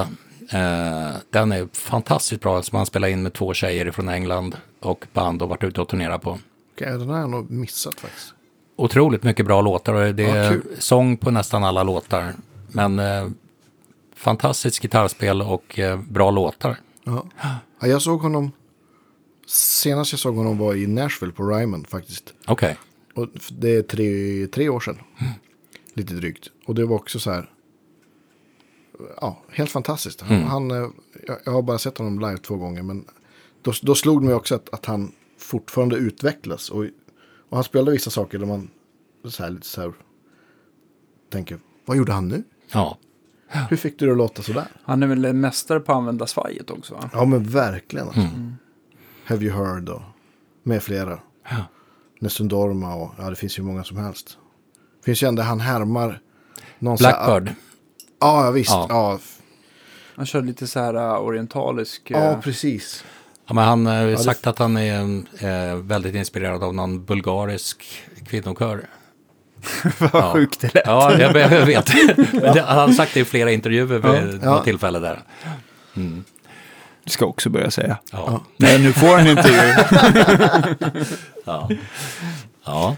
Eh, men han kör väl idag vad jag vet. Det är väl, eh, förutom sin signaturstratta, så är det väl, han har väl nästan bara eh, Pro Juniors va? I, alltså han har ju, det är mycket Pro Juniors som man har sett, men också eh, 1987 tror jag. Alltså 50 wattan. Ja. Ja, jag har Ja. sett någon JCM 2000 också. Ja. På, undrar om inte, det finns ju någon sån här live från Ronnie Scotts. Där Mm. tror jag att han har, om nu, nej där är det flera förstärkare. Alltså JCM 2000 och Pro Junior är ju två, det är ju väldigt två olika katter kan man säga. Ja. Ja. Ja, men där, där, måste man jag. Ja. där måste jag faktiskt dra en anekdot ifrån dagens arbetsdag. En, Ja. eh, en gemensam bekant till oss, Ja. Danne, eh, jag vet inte om du Andreas känner honom, men att ehm, en väldigt god gammal vän, Jan Granvik, var inne just. Mm. Som vi ska ha i podden. Jag håller det på att arbeta jag. på det. Ja. Han är ju ordförande i, i Musikerförbundet. Musikerförbundet. Just det. Ja. Eh, han frågade, ja, men vad är det som är nytt i förstärkarväg och gitarrväg och sådär? Jag sa, ja, det är fortfarande förstärkare som vill låta som Van Halen eller Dimebag och sånt där. Och eh, både du och jag vet ju att det mesta sitter ju i, i fingrarna, liksom på hur det låter. Och, men så tycker jag ju mycket av branschen ser ut, liksom att antingen så ska det vara en digital stärkare där det är, som har allt med effekter och cleant, distat och gör allting väldigt bra. Men just det där sista finns inte. Det, det är just att man måste ju ha en förstärkare som i sig låter bra och sen en gitarr man trivs med och där, där sitter det mesta liksom. Ja, men jag, jag, jo, men alltså det här har vi ju pratat om. Det här med digitala gitarrförstärkare, Kemper, mm. Axe-effekter, podd och så vidare. Det är just det här att det känns ju fel, tycker jag, att spela på det. Det blir, jag vet inte. Ja. Jag säger som jag br- brukar säga, jag, jag ser de där grejerna som ett komplement till förstärkare. Inte ett, absolut ingen ersättning och jag tycker inte att man behövde vara i läget för det ena eller för det andra. Jag tycker man ska ha alla grejer. Va? Jag känner att jag... Mm. Nej men jag förstår, jag förstår det liksom. Och, och, och en Ja, viss där- typ av gig kan man, man liksom, du går ju inte på bluesjammet på Stampen och koppla in, koppla in din Helix i PA liksom. Ja, men Då, där, vill, då vill man ju koppla in i, i Pro Junior eller Deluxen. som Nej, det är Ja, precis. Då kommer man hamna någonstans uh, utanför Stadsgården. Ja, precis. Ja, men lite, lite, lite sådär är det också eh, vad man är van med för ljudbild på scenen tycker jag. Att, eh, en del är ju, kör ju liksom in-ears och bara är helt uteslutna från egentligen vad som händer på scenen och bara hör sina in-ears och förhoppningsvis har en bra stereobild där. Men för, mig, för mig själv och eh, det känns, när jag har jobbat med Norum till exempel, han känns också att man lyssnar lite mer på scenljudet, vad som kommer och vill då känna förstärkaren på scenen själv. Eh, istället för att bara höra att, ja men okej, det låter jättebra i lurarna till exempel från en Kemper eller Helix och så, men att det här ljudet, att man hör ambiensen på scenen på, på ett sätt från förstärkare och en del låter högre än annat och man jobbar med att hålla volymerna så att man känner en balans mellan det hela. Och, Sen händer det ju något mellan alltså gitarrmikrofonen och högtalaren. Liksom. Ja. Det, det går ju inte att komma undan. Jag måste, Jag tror- Där också, just när vi pratade sådana, eh, ja, Helix och allting, att i maj var jag hos Line 6 i Kalifornien och eh, då testade, de har ju en studio där och då prövade jag faktiskt en eh, Sold- Soldana-förstärkare genom en 412 uppmeckat i monitorhögtalarna i studiorummet, kontrollrummet. Och sen så hade en AB-switch så att jag kunde switcha till Soldano-soundet i Helixen. Och att man spelar själv så att man känner hur det känns. För jag håller med dig Dan att det känns ju lite olika med sådana här digitala grejer. Ja, det är ju en DA-omvandling. Det är inte lika liksom direkt, ifrån. Nej. får jag någon känsla av. Men, Men jag, jag tyckte faktiskt att Helixen, det, det är väl inom den genren så är nog Helixen något av det bästa som jag har testat i alla fall. Ja, Just att det kändes, jag, jag hade någonting att jämföra med hur förstärkaren kändes och sen hur Helixen kändes då. Med Och det, och det där är en, en optimal miljö också. Testa igenom samma lyssning och, och volymmatchat. Och, liksom exakt, exakt. och säkert så har de tweakat det så det ska låta sjukt Ja. likt. Liksom. Jag var tvungen att säga åt dem att det är lite för mycket med på den där och för lite på den där. Så de tweakade till det lite grann. Men Ja, vad kul. det, det, det var ju väldigt kul att testa i en sån miljö just där de hade möjligheten att göra det. Mm.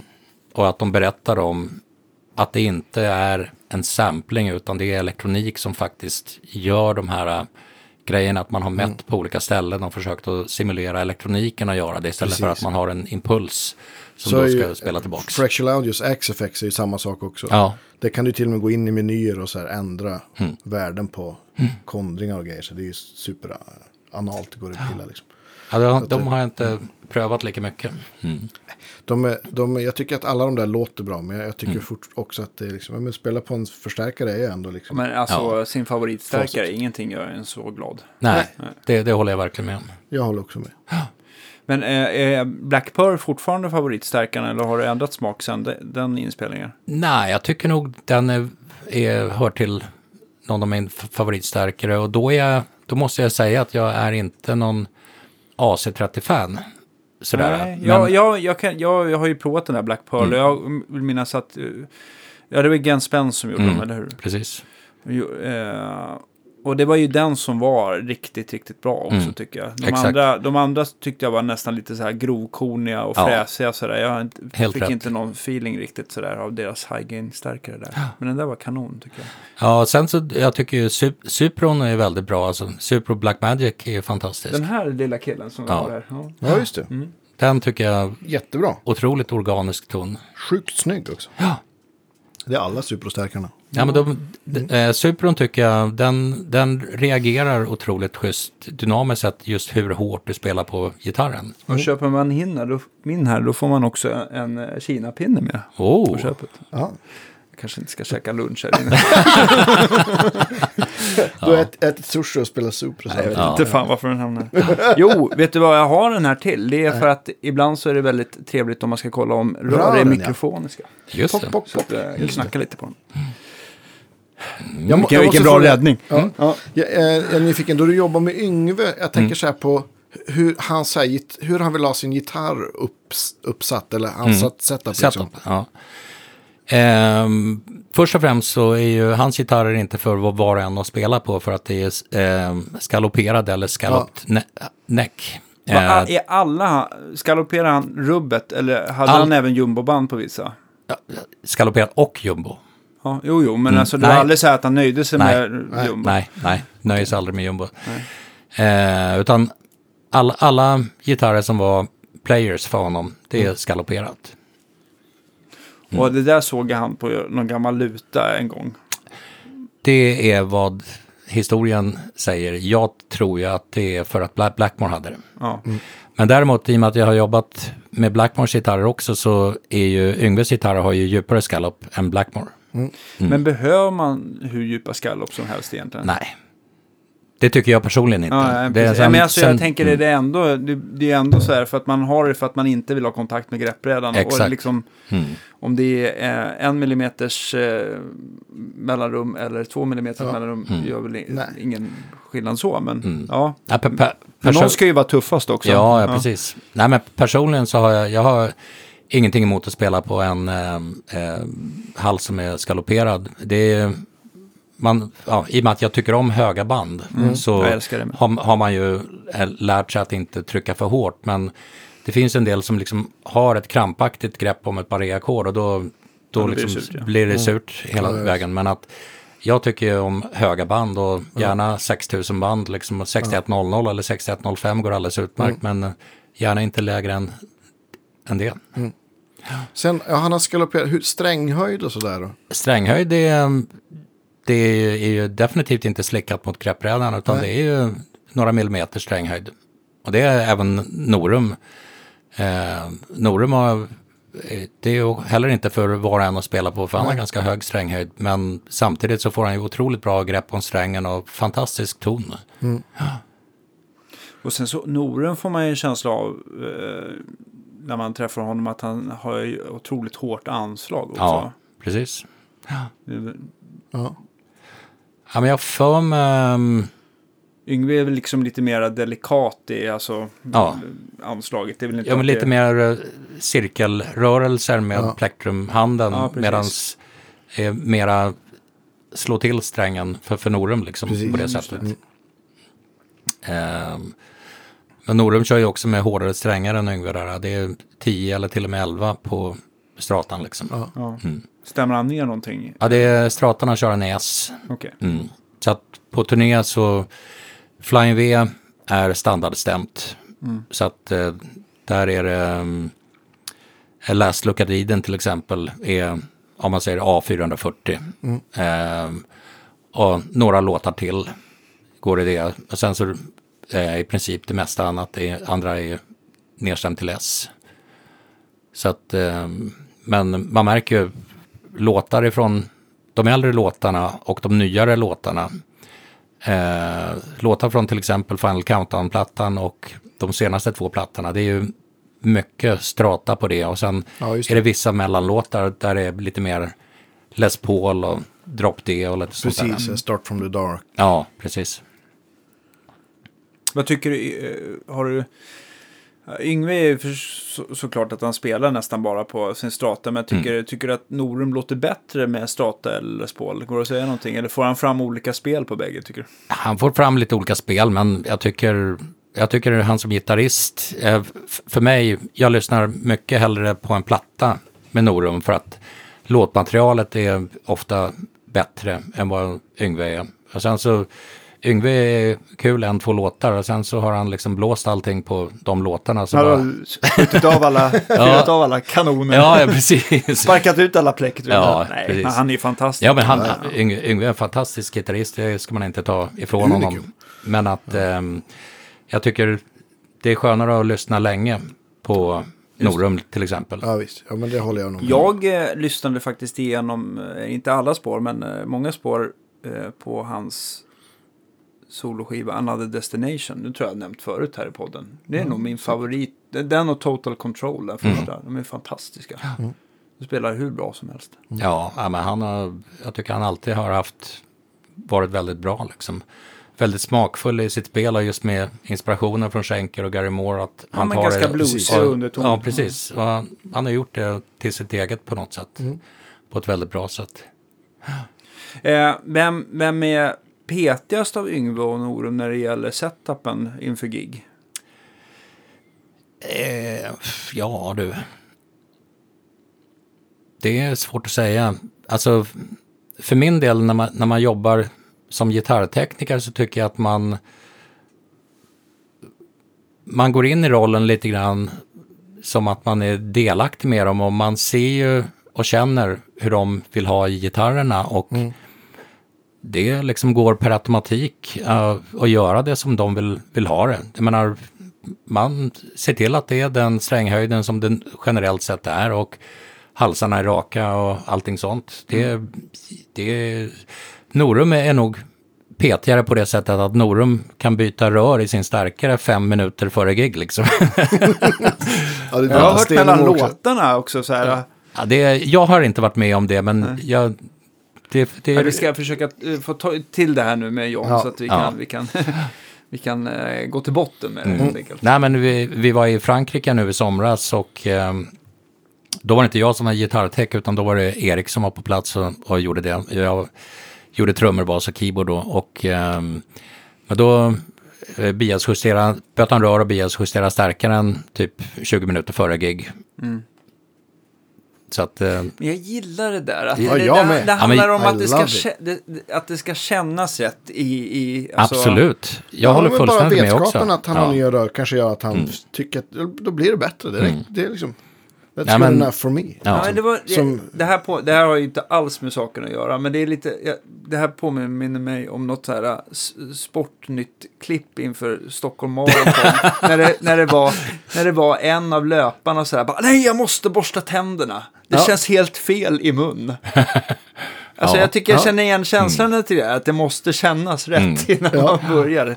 Jag tycker, ja, Ja, men där, jag ser i alla fall någon likhet. Men, Där, ja, det där kan- tycker jag just Även om ni skakar på när man jobbar, ja, när man jobbar med olika människor, jag menar, mina två favoriter att jobba med det är just Norum och, och eh, Conny Blom, för det, de, de söker fortfarande liksom efter bra grejer och är så jäkla intresserade av det de håller på med. De, ehm, de liksom, ja men det kanske blir lite bättre med den här eller den där och är villiga att pröva olika saker. Och, jag menar som Conny, körde eh, ett tag på en elitstrata för att han behövde det just i ett visst sammanhang och eh, tyckte det funkade alldeles utmärkt mm. och tweakade till det så att han fick ja, den, den, karaktären som han är van vid vid en single coil, liksom, trots att det är noiseless mickar på dem. Mm. Och sånt där. Och eh, ja, men det, det är därför de, Conny och, och Norum där, det är två favoriter att jobba med tycker jag. Mm. Om, om du, jag antar att så här på, som backline-tekniker, att man i alla fall kollar att eh, respektive respektive gitarrister, liksom att allting låter och så här. Är mm. det någon så här som du bara har slagit av, shit vilket jävla gitarrsound den här människan har? Eh, jag jobbar ju med Leslie West eh, 95-96. Och eh, där åkte vi ofta med lånad backline, men jag visste ju, jag visste ju vad han ville ha. mm. Sådär, så att Oavsett om det var JSM 900 eller 800 eller PV eh, 5150 som det var på den tiden. Eh, så var det ju i princip full volym och fyra lådor inkopplade. Plus, plus en eh, Zoom 9002 som man hade liksom en liten subbas till. Som man hade liksom en fastsatt på mik mikrofonstativet. Och liksom när man tog det, det, det var volym. det var liksom man bara och tryck liksom. Man bara, oh, shit. Man kunde höra, det har jag man kunde höra han... hans solon eh, klart och tydligt även inne på muggen. Ja, ja. precis. Nej, men just ja. det här tricket med att han körde liksom en sån oktav... Eh, mm, precis. Split också. Ja. Mm. Nej, men att... Ähm, för, för det har jag jobbat med amerikanska tekniker som, som gjorde någon sån här, jag kommer inte ihåg vad det hette, men ja. som har turnerat med honom ett par somrar och, och berättat att det var liksom...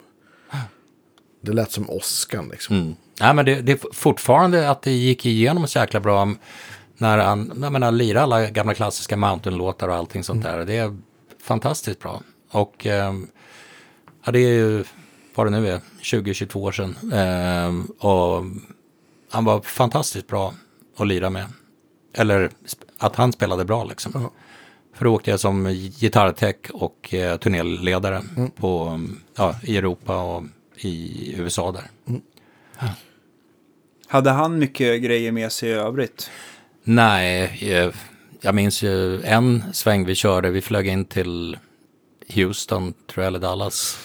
Och sen hyrde vi typ en, hade hyrt en stor Cadillac i princip. Så att allting, vi var fyra pers och alla instrument gick in i en Cadillac och det var ju ingen kombi utan Nej. det var en eller två basar och typ två gitarrer och trumset och stärkare på plats. Ja. Det var det man åkte med liksom. Ja, perfekt. Så åkte vi från ja, Texas där till eh, Florida. Ja. Mm. Coolt. Ja, det är ju ännu en legend. Ja. ja. Men hur kom, det sig att du, hur kom det sig att du jobbade med Blackmore? Eh, med Blackmore, där var det ju återigen Jeff Klicksman som, eh, om vi går tillbaka till Yngve Odyssey där, och sen eh, eh Seven Sign-plattan. 93 eh, gjorde vi Seven Sign-plattan med Yngve och då var Jeff involverad igen och sen gjorde vi en live-platta 98 eh, i Sydamerika med Yngve. Mm. Och Jeff spelade in den. Eh, och vi redigerade den i eh, Miami sen. Sen slutade jag jobba med Yngve i september 98.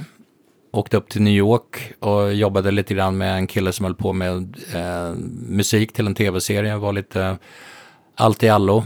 Eh, tekniker, eh, jobbade med hans datorer, spelade in lite grejer, eh, lite gitarr på de grejerna. Sen eh, blev jag ganska uttråkad på personen i fråga och på det jag höll på med. Så att då var jag på väg att åka hem till Sverige, men då ringde Jeff mig och han hade, hade börjat jobba i en studio på Long Island och sa att du, jag ska börja jobba med Blackmore här. Vill du vara med? Då sa jag du, sa bara, nej jag ska ha tvättstuga. nej, eh, självklart så eh, åkte jag du dit. Du sket i tvättstugan? Ja. ja. Nej, men i, i och med att jag hade jobbat som eh, tekniker på inspelningarna med Yngve eh, under ja, i princip de fem åren där också så hade man ju lärt sig en del studioteknik. Eh, så att eh, med Yngve så var det att man punchade in solerna och mitt i solerna och man visste liksom, när han sa, men efter det där, det där, så, ehm, så att jag åkte ut till Long Island och ehm, då var det en studio, Lobo Recording Studios, som vi hoppade in i och ehm, ja, träffade väl Blackmore andra dagen jag kom dit. Och var in, inspelningstekniker då. då. Eh, och vi spelade in andra plattan, Under a Violet Moon. Eh, de hade börjat på plattan och vi skulle spela in tre nya låtar som skulle vara med på plattan plus färdigställa de låtarna de hade spelat in tidigare. Och eh, då eh, spelades tre låtar in. Och sen sa Blackmore efter det var klart liksom, ah, bas, basen på titelspåret var inte så jäkla bra. Eh, jag lägger om den, sa han. Så sitter Jeff och jag och laborerar lite grann på kvällen och jag bara, ah, men vi kan ju testa bara så att vi får ett bra bassound och så börjar jag lägga lite bas på den. Och så dagen efter så sa Jeff till Richie att ja men Peter la lite grejer här. Ja, ah, jag vill nog testa själv i alla fall, sa Blackmore. Sen hörde han lite grann, testa lite själv. Så bara, nej, Peter, lägg basen. Starsa. Ja, verkligen. Så då bara, konkurrerar ut japp. gamla Richie. Ja, men sen, sen sista låten vi jobbade med, det var också sista låten på plattan. Det var en black, eller en eh, rainbow cover som heter Self Portrait. Och det var samma sak där, att Blackmore skulle lägga, lägga bas på den. Och sen sitter han i soffan liksom bara, nej, Peter, du lägger basen. Yeah. Jag bara, okej. Gåshud. Det, då, det, var, det var stort. Ja. Men Han, han har ju ändå så här lite rykte om att vara lite bufflig. Hur, Svår. Men... Eh, Blackmore och jag kom så- jättebra överens med varandra. Det var, man, man satt i studion liksom, efter vi var klara med projektet och allt var klart så eh, sitter man i studion och svarar i telefon, Lobo Recording Studios, så har man i andra änden, Hi, it's Richie, you wanna go out for dinner? Jag bara, mm. Richie Blackmore frågar mig om Jag jag har ju vill gå ut och... tvätt... Ja, Jag skiter i precis. tvätt. Nej, det blir inget fett idag. Så jävla mycket skittvätt. Ja, ja, precis. Nej, men att eh, fort, fortfarande liksom efter att man hade jobbat, man hade varit ute och käkat både luncher och middagar med honom, så var det bara, bara fan, Richie ringer och frågar om han vill gå ut och käka. Ja, men såklart. Det, det, Ja. så Ja, men- sig. Ja, ja, men det är fortfarande liksom så var det, vi hängde ju, ja, någon gång i månaden under ett och ett halvt års tid i alla fall, liksom sådär. Och eh, det var alltid lika trevligt liksom. Och, eh, när jag bestämde mig för att åka hem ifrån eh, USA och flytta hem till Sverige igen, då försökte till och med Richie övertala mig till att stanna. Och det var Okej. en väldigt fin gest. Bodde liksom, han i, i Ja, han, USA? han, han bodde på Long Island. Okej, Eller bor förstår. fortfarande. Ja, Okej, Mm. där ser man. Så att det var, det är jag otroligt tacksam för att han ja, ville liksom. Har ni någon kontakt idag? Eh, nej, jag, har, jag hjälpte honom lite grann eh, i samband med återföreningen av Rainbow att få kontakt med Jens Johansson igen där. Okej. Och det var också på de här Blackmore's Night att jag fick med Jens att spela på dem också. Ja. Så det var, det var kul. Jag blev tillfrågad då, eh, först och främst att få, få eh, kontaktinfon till Jens, men sen också i och med att jag hade spelat in dem så ville de att jag skulle spela in livegiggen då under den första återföreningen här för Just två, det. tre år sedan. Men då kände jag att det var så pass länge sedan jag jobbade med inspelning på en sån professionell nivå liksom, så att då tackade jag nej till det. Mm. Men det var Men kul. hedrande att få frågan. Ja, Verkligen. Verkligen. Ja. Men, Ot- ja, otroligt coolt alltså. Rätt. Ja. Ja. Ja, men sen har du ju också ett eh, annat, eh, en liten annan eh, fjäder i hatten, Prince. Hur kom det sig att du började, fick äran att jobba med honom? Det var 95 tror jag. Eh, då jobbade jag med Yngve och då, vi var ju baserade i Miami. Och ehm, i och med att vi hade, ja, jag fick ett telefonsamtal en dag i alla fall eh, till huset där jag bodde och eh, det var innan mobiltelefonens, eller jag, de hade väl börjat komma där men hur som helst. Eh, de ringde mig och frågade, kan du, Prince behöver en gitarrtech, vi har fått dig som rekommendation från Criteria Studios och några andra ställen. Och då tackade jag nej faktiskt, för att vi skulle göra ett eh, nu måste du tvätta. Ja, nu måste jag tvätta. Nej, men eh, vi skulle göra en eh, intervju med Young Guitar för Yngve då. då. Just Men sen så sa jag, ja, men jag tar telefonnumret ifall det är möjligt att jag kan göra det. Och sen så visade det sig att de kom in dagen efter istället. De journalisterna från Japan. Så då, då ringde jag tillbaka och sa, ja men jag kan ta det om det fortfarande är tillgängligt. Så då åkte jag ner. Prince hade en klubb som hette Glam Slam i Miami. Och dagtid spelar de in videos för den här Gold-plattan. Ah, okej. Most Beautiful Girl in Just the det. World och de här. Och eh, sen på kvällarna så spelar de, gjorde han live-gig där. Och eh, ja, så jag åkte ner och kunde vara med på dagen, på soundcheck på dagen, första dagen. Och sen andra dagen sa jag att ja, men, jag kan komma till gigget men jag kan inte vara med på dagen, andra dagen. Men det godtog de. Så att, eh, ja, jag åkte ner och eh, träffade Prince. Eller Artist formerly known as, som Ja, det var vid det tillfället. Ja, symbol. Och då blev man ju tillsagd att ja, men du måste kalla honom Sir eller Boss och titta honom inte i ögonen. Ja, det var på den, just det, Ja, den tiden ja. ja. Men att eh, när jag mötte Prince, jag tittade honom i ögonen som man gör, gör med varje vettig människa. Ja, det gör man nästan per automatik. Ja, precis. Och eh, han hade ju ingenting emot det. Nej.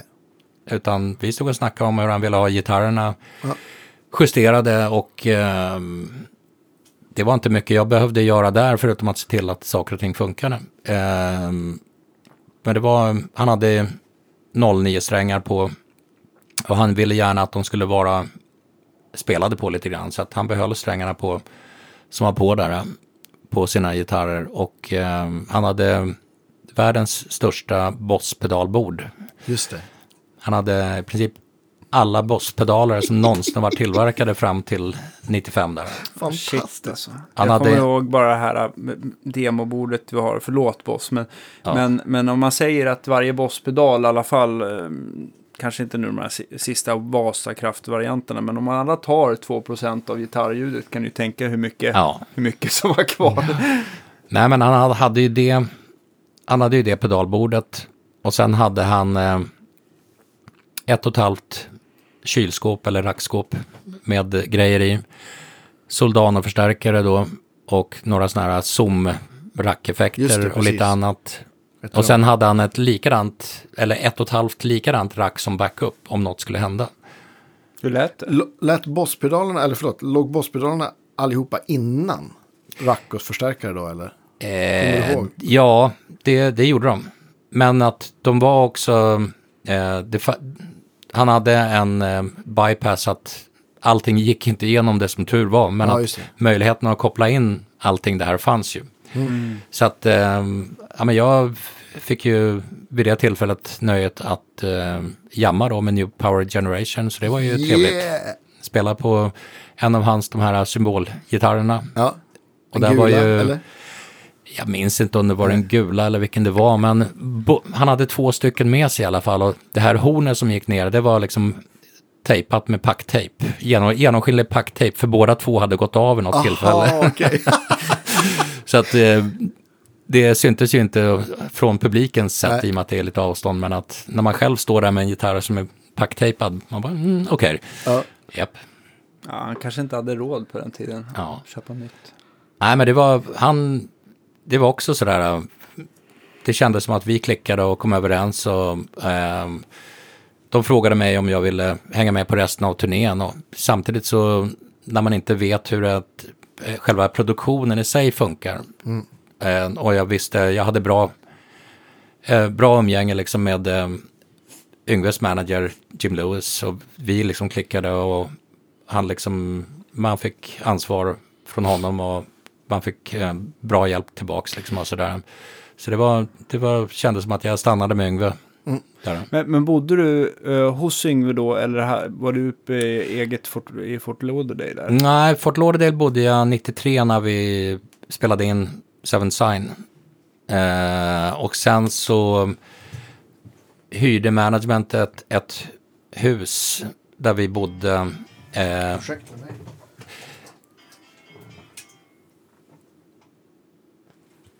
Så. Eh, ja, ehm, så um, managementet hyrde ett hus där ehm, eh, jag och Mats Olausson bodde då. då. Eh, Backon, som han även kallas, spelar keyboard med. Rest in peace. Ja, verkligen. Eh, och sen så 97, 98, då hyrde Mats och jag en eh, lägenhet. Han var inte mycket där, utan det var, Mats var mest där för inspelningar och rep liksom. Så bodde jag där själv när jag var lite allt i allo för Yngve där. Just det. Så att, eh, ja, så var det. När du bodde hos Yngve, eh, alltså han vill ju eh, gärna visa att han har 2000 stratter. Hur mycket var det egentligen? Eller såg det mer ut än vad det var? Eh, det såg mer ut än vad det var. Okej. vill jag påstå. Jag menar, han hade några riktigt, riktiga klenoder, några 50-talare och några 60-talare och någon 335 och någon Les Paul och sådär, men jag menar, var det som mest 40-50 gitarrer som åtminstone var ihopbyggda kanske, men inte mer än så. Ah, okej. Det var inte hundratals, Nej, nej. Sen fick han ju en del eh, kroppar och halsar ifrån Fender också, så att på turnén då hade vi väl fem, sex gitarrer som var ihopplockade och ehm, sen hade vi några extra halsar ifall eh, hände väl någon gång att han kastade upp någon och den brakade ner och slog sönder halsen så att man kunde bara byta. Okej. Ja. Eller att ljusteknikern gjorde en blackout när jag skulle fånga den och den damp i golvet liksom. Ja. Haha. Mm. Eller vad? Nej. Ja. Practical. Ja, det var en gång i, i eh, England, Yngve skickade upp gitarren som man brukar göra, slänger upp den och den fastnar i ljusreggen. Och bara, Nej! Okej, ja, nästa gitarr. Du, Conny Blom korar ju dig till den bästa gitarrkastaren i alla fall. Okej, ja, det tackar jag för. Vi, Men, vi, vi, vi pratade om just det här. Ja. Hips and hips-kastet. precis. Mm. Det låter helt otroligt att det, det går att genomföra. Men, ja. Nej, men det, vi har gjort det några gånger och grejen är, jag tror vi första gången vi gjorde det, gjorde vi det utan att ens eh, testa. Jag menar, Stenhårt alltså. det, ja, jag, har ju- jag har ju kastat gitarrer till Yngve till och från och han kastar till, till mig liksom. Ja. Men eh, just sådär att tajma in för att det ska komma in på ett solo, det, det gjorde jag aldrig med Yngve liksom. Utan det är mera före och efter nå- någonting sånt där. Men med Conny där att slänga in det för solot, det, jag menar, det, det var nog faktiskt på Sweden Rock 2009 eh, vi gjorde det första gången. För att innan dess hade Conny och jag varit eh, ute med eh, eh, Hanoi Rocks tillsammans. Då, då. Eh, det var Conny faktiskt som fick in mig på att börja köra gitarrtech igen. För mellan, ja, från det att jag åkte hem till Sverige och landade i Sverige 2000, då gjorde jag inga gitarrtechjobb fram till 2005. Eh, och då var jag ledig några månader innan jag började på Deluxe. Då, då. Och då frågade Conny, ja men kan inte du vara med på gitarrtech? För jag har några gig här. Då, jag var ju ledig på sommaren så att midsommardagen 2005 var första giget som jag gjorde då med Hanoi Rocks.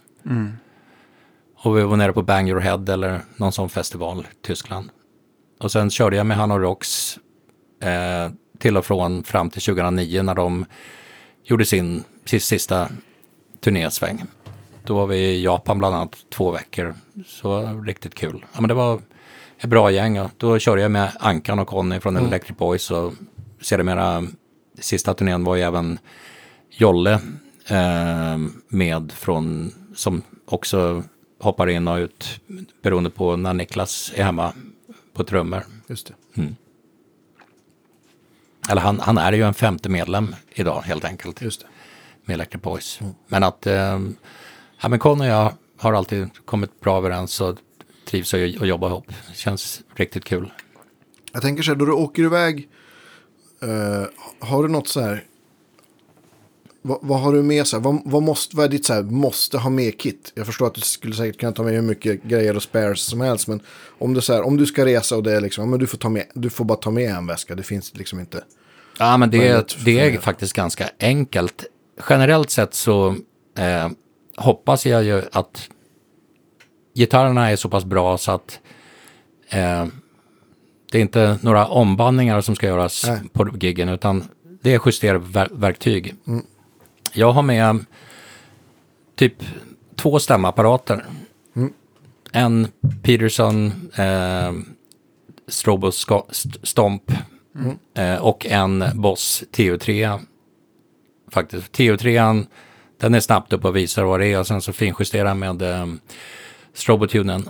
Och sen eh, ett eh, verktygskit där jag har avbitare, strängvev, eh, lite olika skruvmejslar, ett gäng eh, insektsnycklar, eh, se till att det alltid finns en Gibson-hylsnyckel, eh, någon plattång, men bara så att minimalt helt enkelt. Ingen lödstation eller någonting, utan är det så att det behövs när man åker ut, för det blir ofta flygig och sånt där, att då, då ska det, det finns liksom i produktionen nå- någonstans. Ja, eller någon runner som Ja, precis. Och är det mer planerat att man åker ut på en eh, längre turné där man åker med mera egna grejer, då har man liksom ett större case där man har lödstation och lite filar och ja, så att man kan i alla fall göra bandslip och lite sånt där också. Men inte på de här flygiggen. Nej. Då liksom får man se till att försöka ja, göra något, im- improvisera så att gitarrerna blir spelbara. Ja, och hittills har det funkat. Då du sätter stämapparaterna, du sätter dem efter varandra. Hur, hur mycket justerar du liksom från på Peterson jämfört med då, det liksom, då, den, då den säger att det är ett fiss på G-strängen på Norum Stratta? Hur mycket måste du... Nej, men på... Är det, är det mer bara för att kunna hundra kolla sådär liksom? Ja, pre- precis. Och jag menar, eh, det, det är ju ett- att tweaka med stroben liksom. Eh, det blir ju till att tweaka med den och eh, bossen det är mer bara för att när man har stämt om eller strängat om en gitarr att snabbt få upp den bara, chop, chop, chop, Ja, så är det, med, är det uppe i rätt, rätt stämning i alla fall. Och sen så är det tweaken är alltid med Peterson. Ja. Ja. Då du byter strängar, hur, mycket, hur många gånger sträcker du dem? Sådär. Eh, det, det brukar ofta, jag menar, man tar i ganska hårt liksom och det blir en tre, jag menar, först sträcker de med båda händerna och sen så eh, en tre gånger. Och sen så är det att man spelar på instrumentet och töjer liksom så att man får ett band, eller liksom bandtöj. Och Just det. stämmer upp det därifrån. Och strater är ofta att man stämmer från E1 till 6 så att man stämmer från tunnaste till tjockaste. Just för att ha, då liksom, i mitt tycke funkar, funkar det bäst med svajen då så att Okej. man får allting att, att lira på ett bra sätt. Men det, jag menar, det finns väl egentligen lika mycket sätt att justera det på som det finns gitarrtekniker, men för min del fungerar det väldigt bra. Ja, jag är bara nyfiken. Ja. Tänkte jag. Eh, strängmärken, har, eller har du några så här preferenser? Eller det är ju såklart artisten, gitarristen du jobbar med. Men Ja. något som du tycker är bättre än något annat? Eller? Jag tycker om Dadarios nya NUXL-strängar. De, Det är eh, de eh, sträcker på sig bra, eller liksom när man har sträckt dem så känns det som att de sätter sig snabbare än en del andra strängar. Jag för mig att Sandviken, alltså svenska Sandviken var med och tog fram stålet just till dem. Modellerna. Är det sant? Ja, just att de har sålt in det där. Rätta, någon får gärna rätta mig om jag har fel. Men det är, Magnus Olsson? Mm. Nej, men jag har faktiskt, eh, jag har faktiskt sett artiklar skickade, vad mejlade till mig. Om att de var, låg bakom det. Så att, eh, ja. Ja, men då, i, idag, generellt sett så tycker jag att alla stora strängmärken gör ju bra strängar mer eller mindre.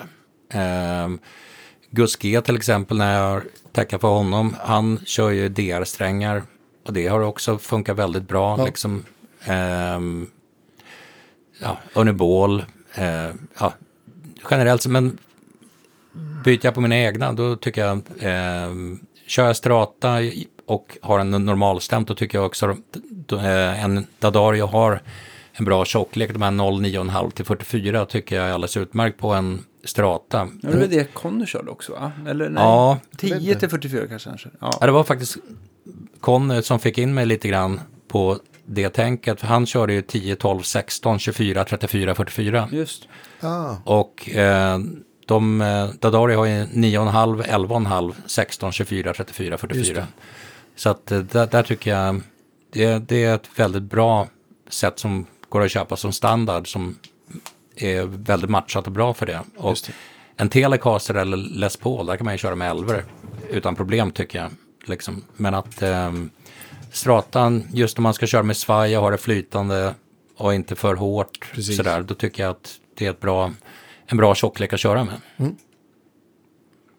Coolt. hur ser det ut framöver här? Vi pratade lite grann innan, innan vi inspelade, men jag tänker att du får berätta för lyssnarna här vad som händer framöver. Ja, nu i helgen så åker jag med Europe till Norge och gör ett gig, en festivalspelning. Och då är jag eh, bas, trum och keyboardtekniker. Eh, och då eh, vickar jag för Jens Ingolf som är deras ordinarie tekniker på den sidan. Sen 23 september flyger jag iväg till eh, eh, London och eh, då eh, vickar jag för Erik Stenemo eh, som är ordinarie gitarrtech eh, i en vecka. För John då. Ja, då är det John och Joey som jag Just det. eh, kör. Så att 23 till 29 gör vi en vecka i Europa. Sen eh, blev jag eh, tillfrågad av eh, Magnus Henriksson i Eclipse eh, att köra deras gig på klubben 13 oktober tror jag det var. Mm, kul. Och eh, det kändes riktigt kul. Mangan är en fantastiskt bra gitarrist. Verkligen. Ja, Erik som sjunger också. Ja, ja, är också absolut. Fantastisk. ja men det, Båda har gästat. Ja, också. absolut. Ja, men det är kul att se att Sverige har väldigt bra musiker. Jag Menar, eh, vi har ju, ja, förutom de vi, alla vi har pratat om, så Opeth till exempel. Ja, ja, visst. Eh, så att Sverige har väldigt mycket bra musiker. Det är kul. Inom jobba. väldigt många genrer också. Ja, Det är, exakt. det, jag, jag tänkte faktiskt på det, jag pratade med någon om det här om dagen bara att folk stirrar sig lite, lite blint och de tänker så här svenska musikundret så tänker de på ja, Max Martin och ABBA och Roxette. Mm. Men det finns ju en otrolig massa rock och hårdrockmusiker och jazzmusiker som är liksom lika stora namn i, i de kretsarna. Ja, liksom, men, som, men som medialt inte får så mycket utrymme i, Nej. i Sverige. Liksom, för att det inte är så ja, populärt. Men Nej, men folk som ändå kan leva på det de gör. ja, visst. Ja. Här är otroligt kul att se sånt. Ja. Har, har du någon eh, kontakt med Yngve idag? Nej, det har jag faktiskt inte. Sista gången jag pratade med honom var tio år sedan.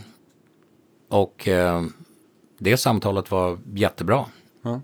Men eh, det är väl folk omkring honom som försöker undanhålla svenska bekanta så mycket som möjligt Ja. faktiskt. Mm. Det står i, i, i Tegners bok också. Ja, ja. Tråkigt. Men... Mm. Jättetråkigt. Och, och, om eh, eh, du som ändå har sett Yngve eh, under längre tid sådär. Eh, han har ju försökt då producera mycket av sina egna skivor. Jag har ju, jag har ju nästan uppskattat när han har haft en producent som har producerat skivorna till honom. Så att han mer håller sig till spelandet och skrivandet kanske. Har, ja, Mm. Jag tycker har blivit, de har blivit bättre i alla fall. Men, men om du skulle sätta ihop dröm-Yngve-bandet under det du har sett. Har, skulle du kunna... bra fråga. Nanne. Ja, men jag tyckte Ja. den har suttit tyst här länge Ja. och tänkt i, i, Ja. ut. Va? Ja. Ja, men jag tycker att banden hade på Facing the Animal var Mats Levén. Mats Levén, Barry Dunaway, Cozy, eh, Cozy Cozy Powell. Powell, shit Ja. alltså. Det är, Och ja. Bacon då, då. Nu kan ju tyvärr inte vare sig Cozy eller Bacon vara med. Eh, men eh, det bandet, jag menar, det är ju även Odd Odyssey-bandet. Jag menar med eh, Jens Anders. Jens och Anders och Barry Dunaway på bas där också. Eh, jag menar, när vi var ute på Seven Sign med eh, eh, Shane Gallas och Barry Sparks. Jättebra band det också. Jag kommer ihåg att jag såg det giget på Gino i alla fall när han Ja. slängde trumstockarna. För han körde nästan ett sånt trumsolo va? Eller, Ehm, eller är det Cozy som gjorde Eller blandade ihop det? Nej men Jag på, på, på Gino då var det nog eh, Tommy Aldridge tror jag. För det Just var det, på så in- var det. Det, Det var, han på, som spelade. det var Inspiration-turnén. Ja. Ja. Så det var ju... Du att någon ja. Ja, ja. har huvudet med. Nej, men en, an, en anekdot där, det var liksom då när, när vi skulle göra giget på Gino, vi hade ju gjort en Europaturné och så kommer vi till Sheraton Hotel. Vid Sheraton står min farsa och min ena brorsa och hämtar upp hela bandet, crewet och så åker vi hem till morsan i Aspudden och käkar en svensk lunch. Yeah! Och Tommy Aldrich, han skickade morsan sen ett tackbrev där han uppskattade det väldigt mycket. Det var Var i Aspudden? Jag, jag bor ju nästan där. Hägerstensvägen mittemot Ja. Skällmacken där. Okej. Ah, Ja. Ja, ja. Så där det satt, eh, Ska jag tänka på nästa gång jag tankar på själ. ja. Ja. Det är min mack också. Nej men en annan, eh, Fredrik To- Tobander, en, en väldigt god vän, han, han, han var med där, där också. Han sa att det var fantastiskt liksom att sitta där med Tommy, Tommy Aldrich liksom från Bark at the Moon och Ja, allting visst. sånt där. Jag tänker alla, alla namn du säger nu. Det är ju liksom verkligen så här who's who av ja, men, men rock från 70, 80 och 90-talet. Du måste ju ha hört kopiösa mängder stories från. Liksom, ja, men Tommy Aldrich måste ju kunna berätta stories Jo då. till en hel tv-serie. Liksom. Det gjorde han och han, han berättar dem väldigt bra också med ah, sin kul. Texas-accent. Ja. Ja, eller ja, sydstatsaccent Ja. i alla fall. Ja, Nej, det var riktigt kul.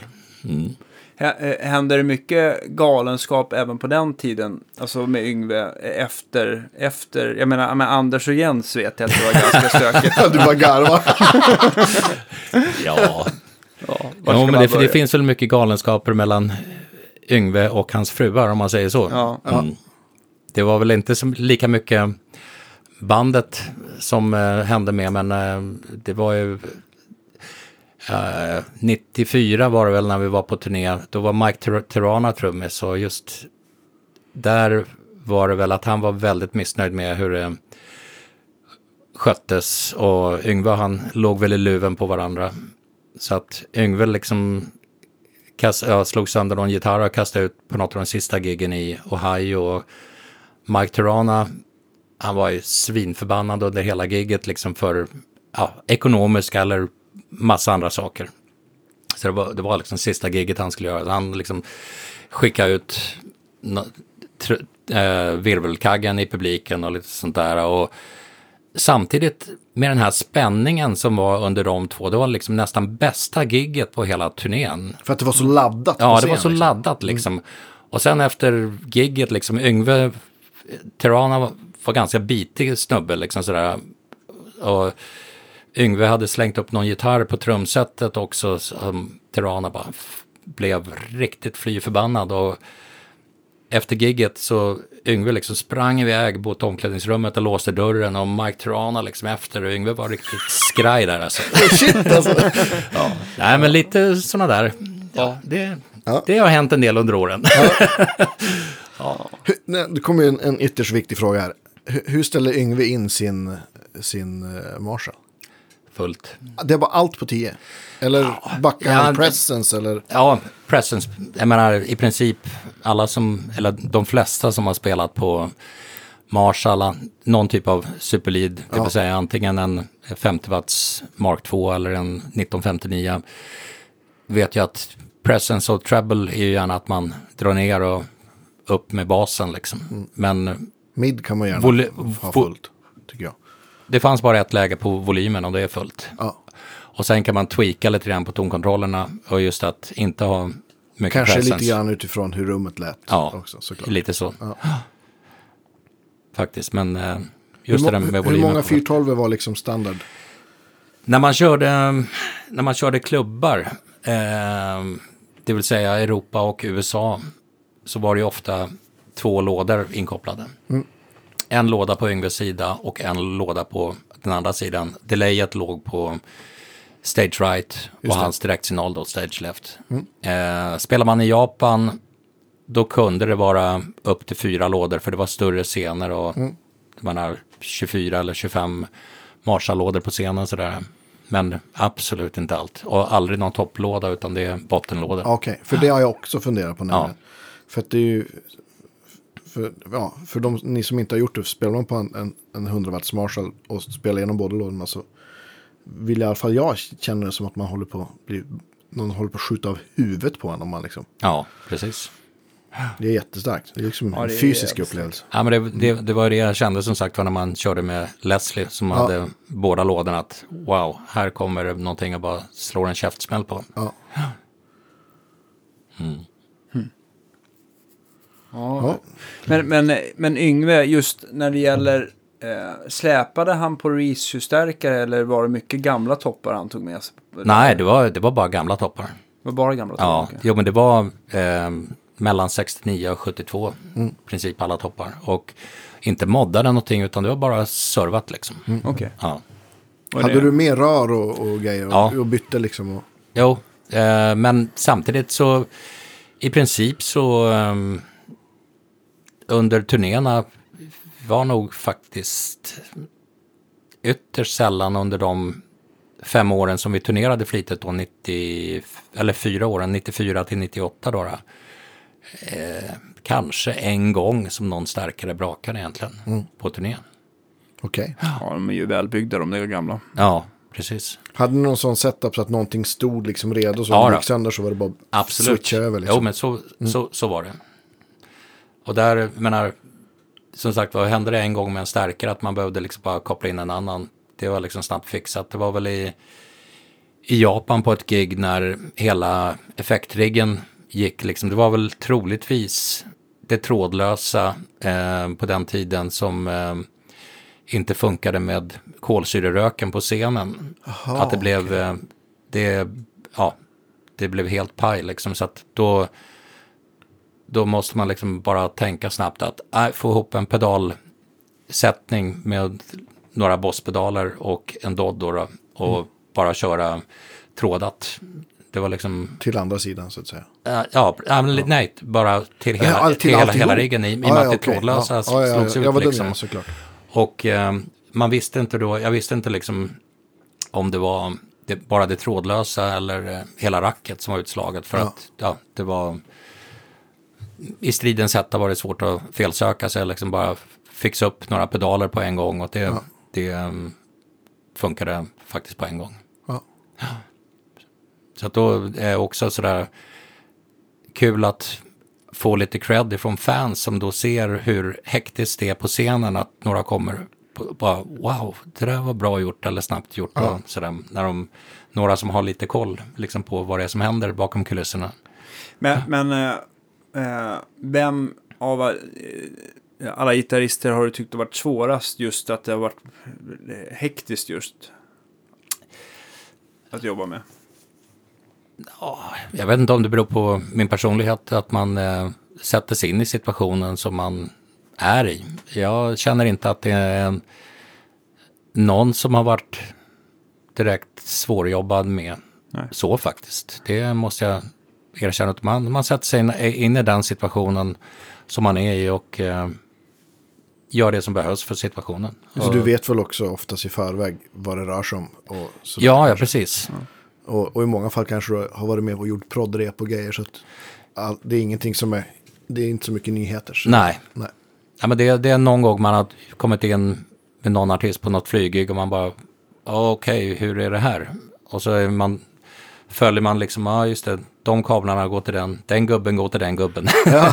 Eh, och sådär. Så att då är det bara på soundcheck att man sätter sig in i hur, hur det är så att man ja, förhoppningsvis snabbt kan felsöka om det är någonting man märker inte funkar. Har Norum någon sån flygrig? Jag tänker han har ju ganska... Ja, eh, vi använde, vi var i Chile och gjorde ett par gig i februari.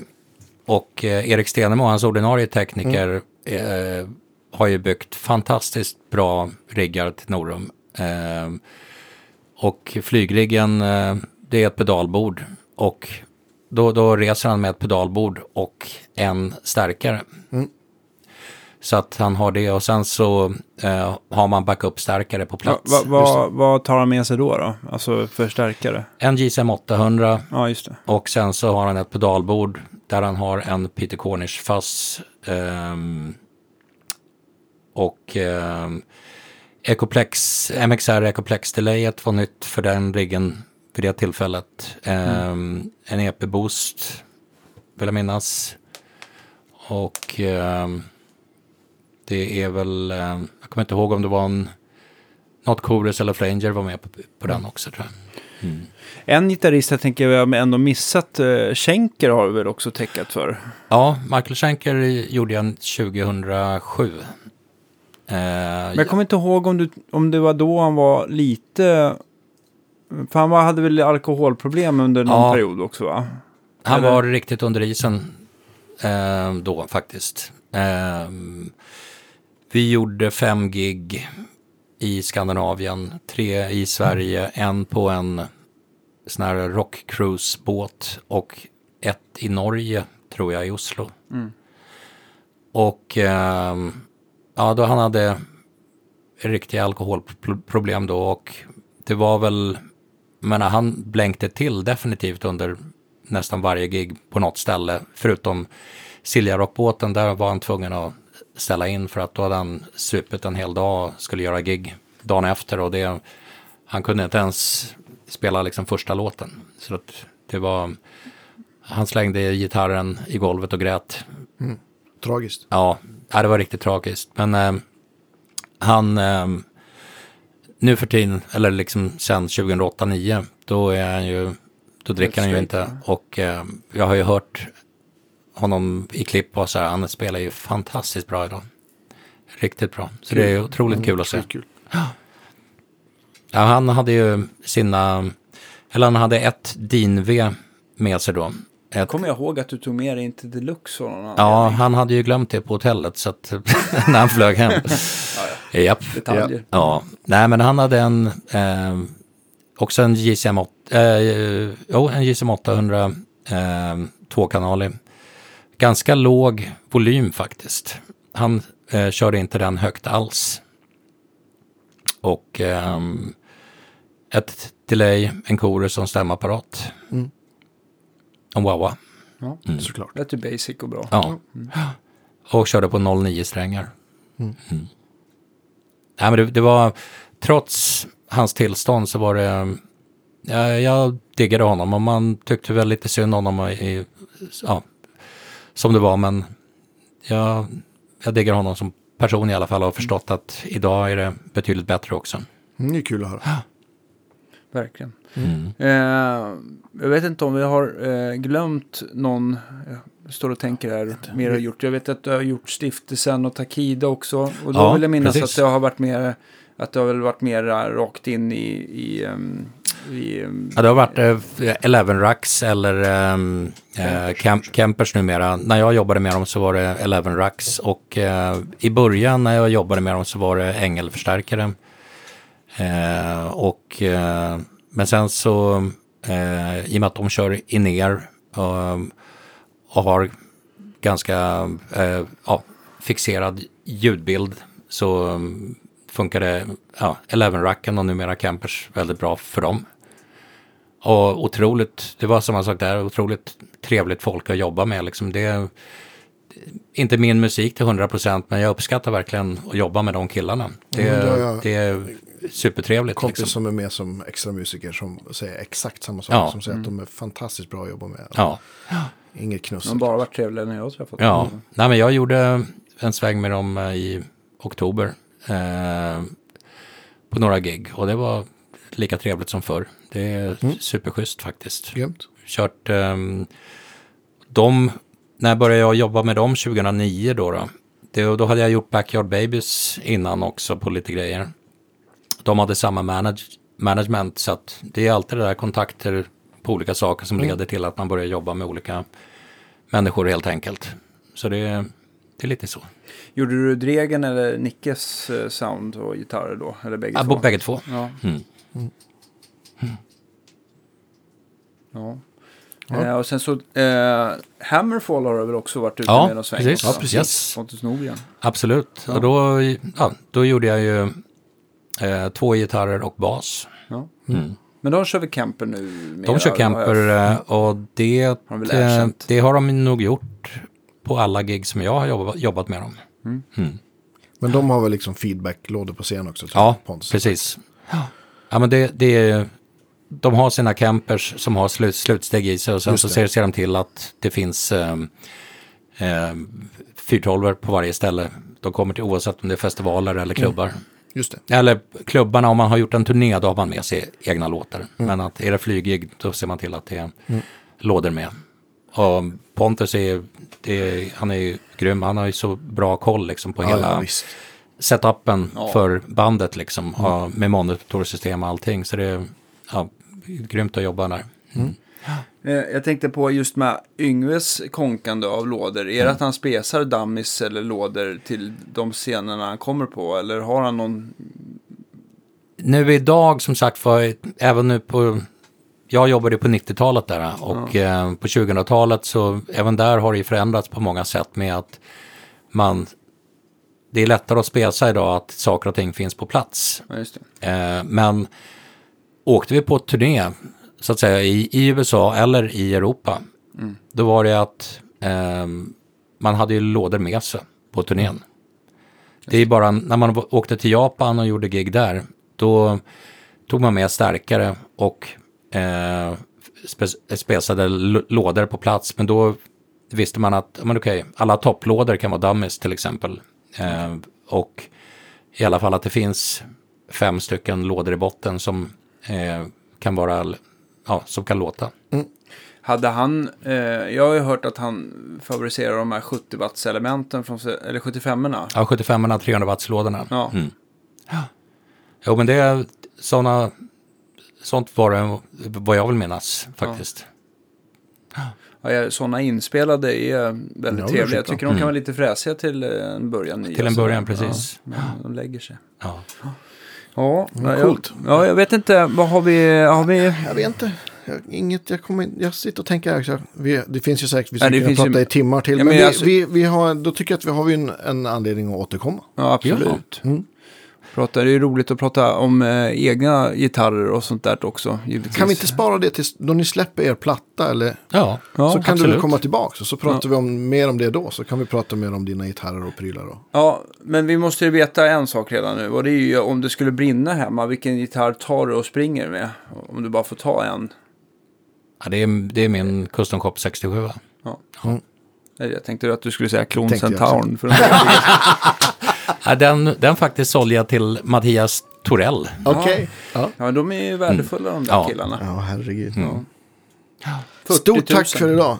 Ja, tack för att Ja. jag fick vara här. Ja, Ja, men gud vad vår ära trevligt. på tiden. Ja. Vi, eh, ja, det är jättebra. Vi har anledning till att återkomma. Tack så mycket. Det låter jättebra. Och eh, vi hörs, gott folk, nästa torsdag. Det gör vi. Ha det Nytt bra. avsnitt. Hej då!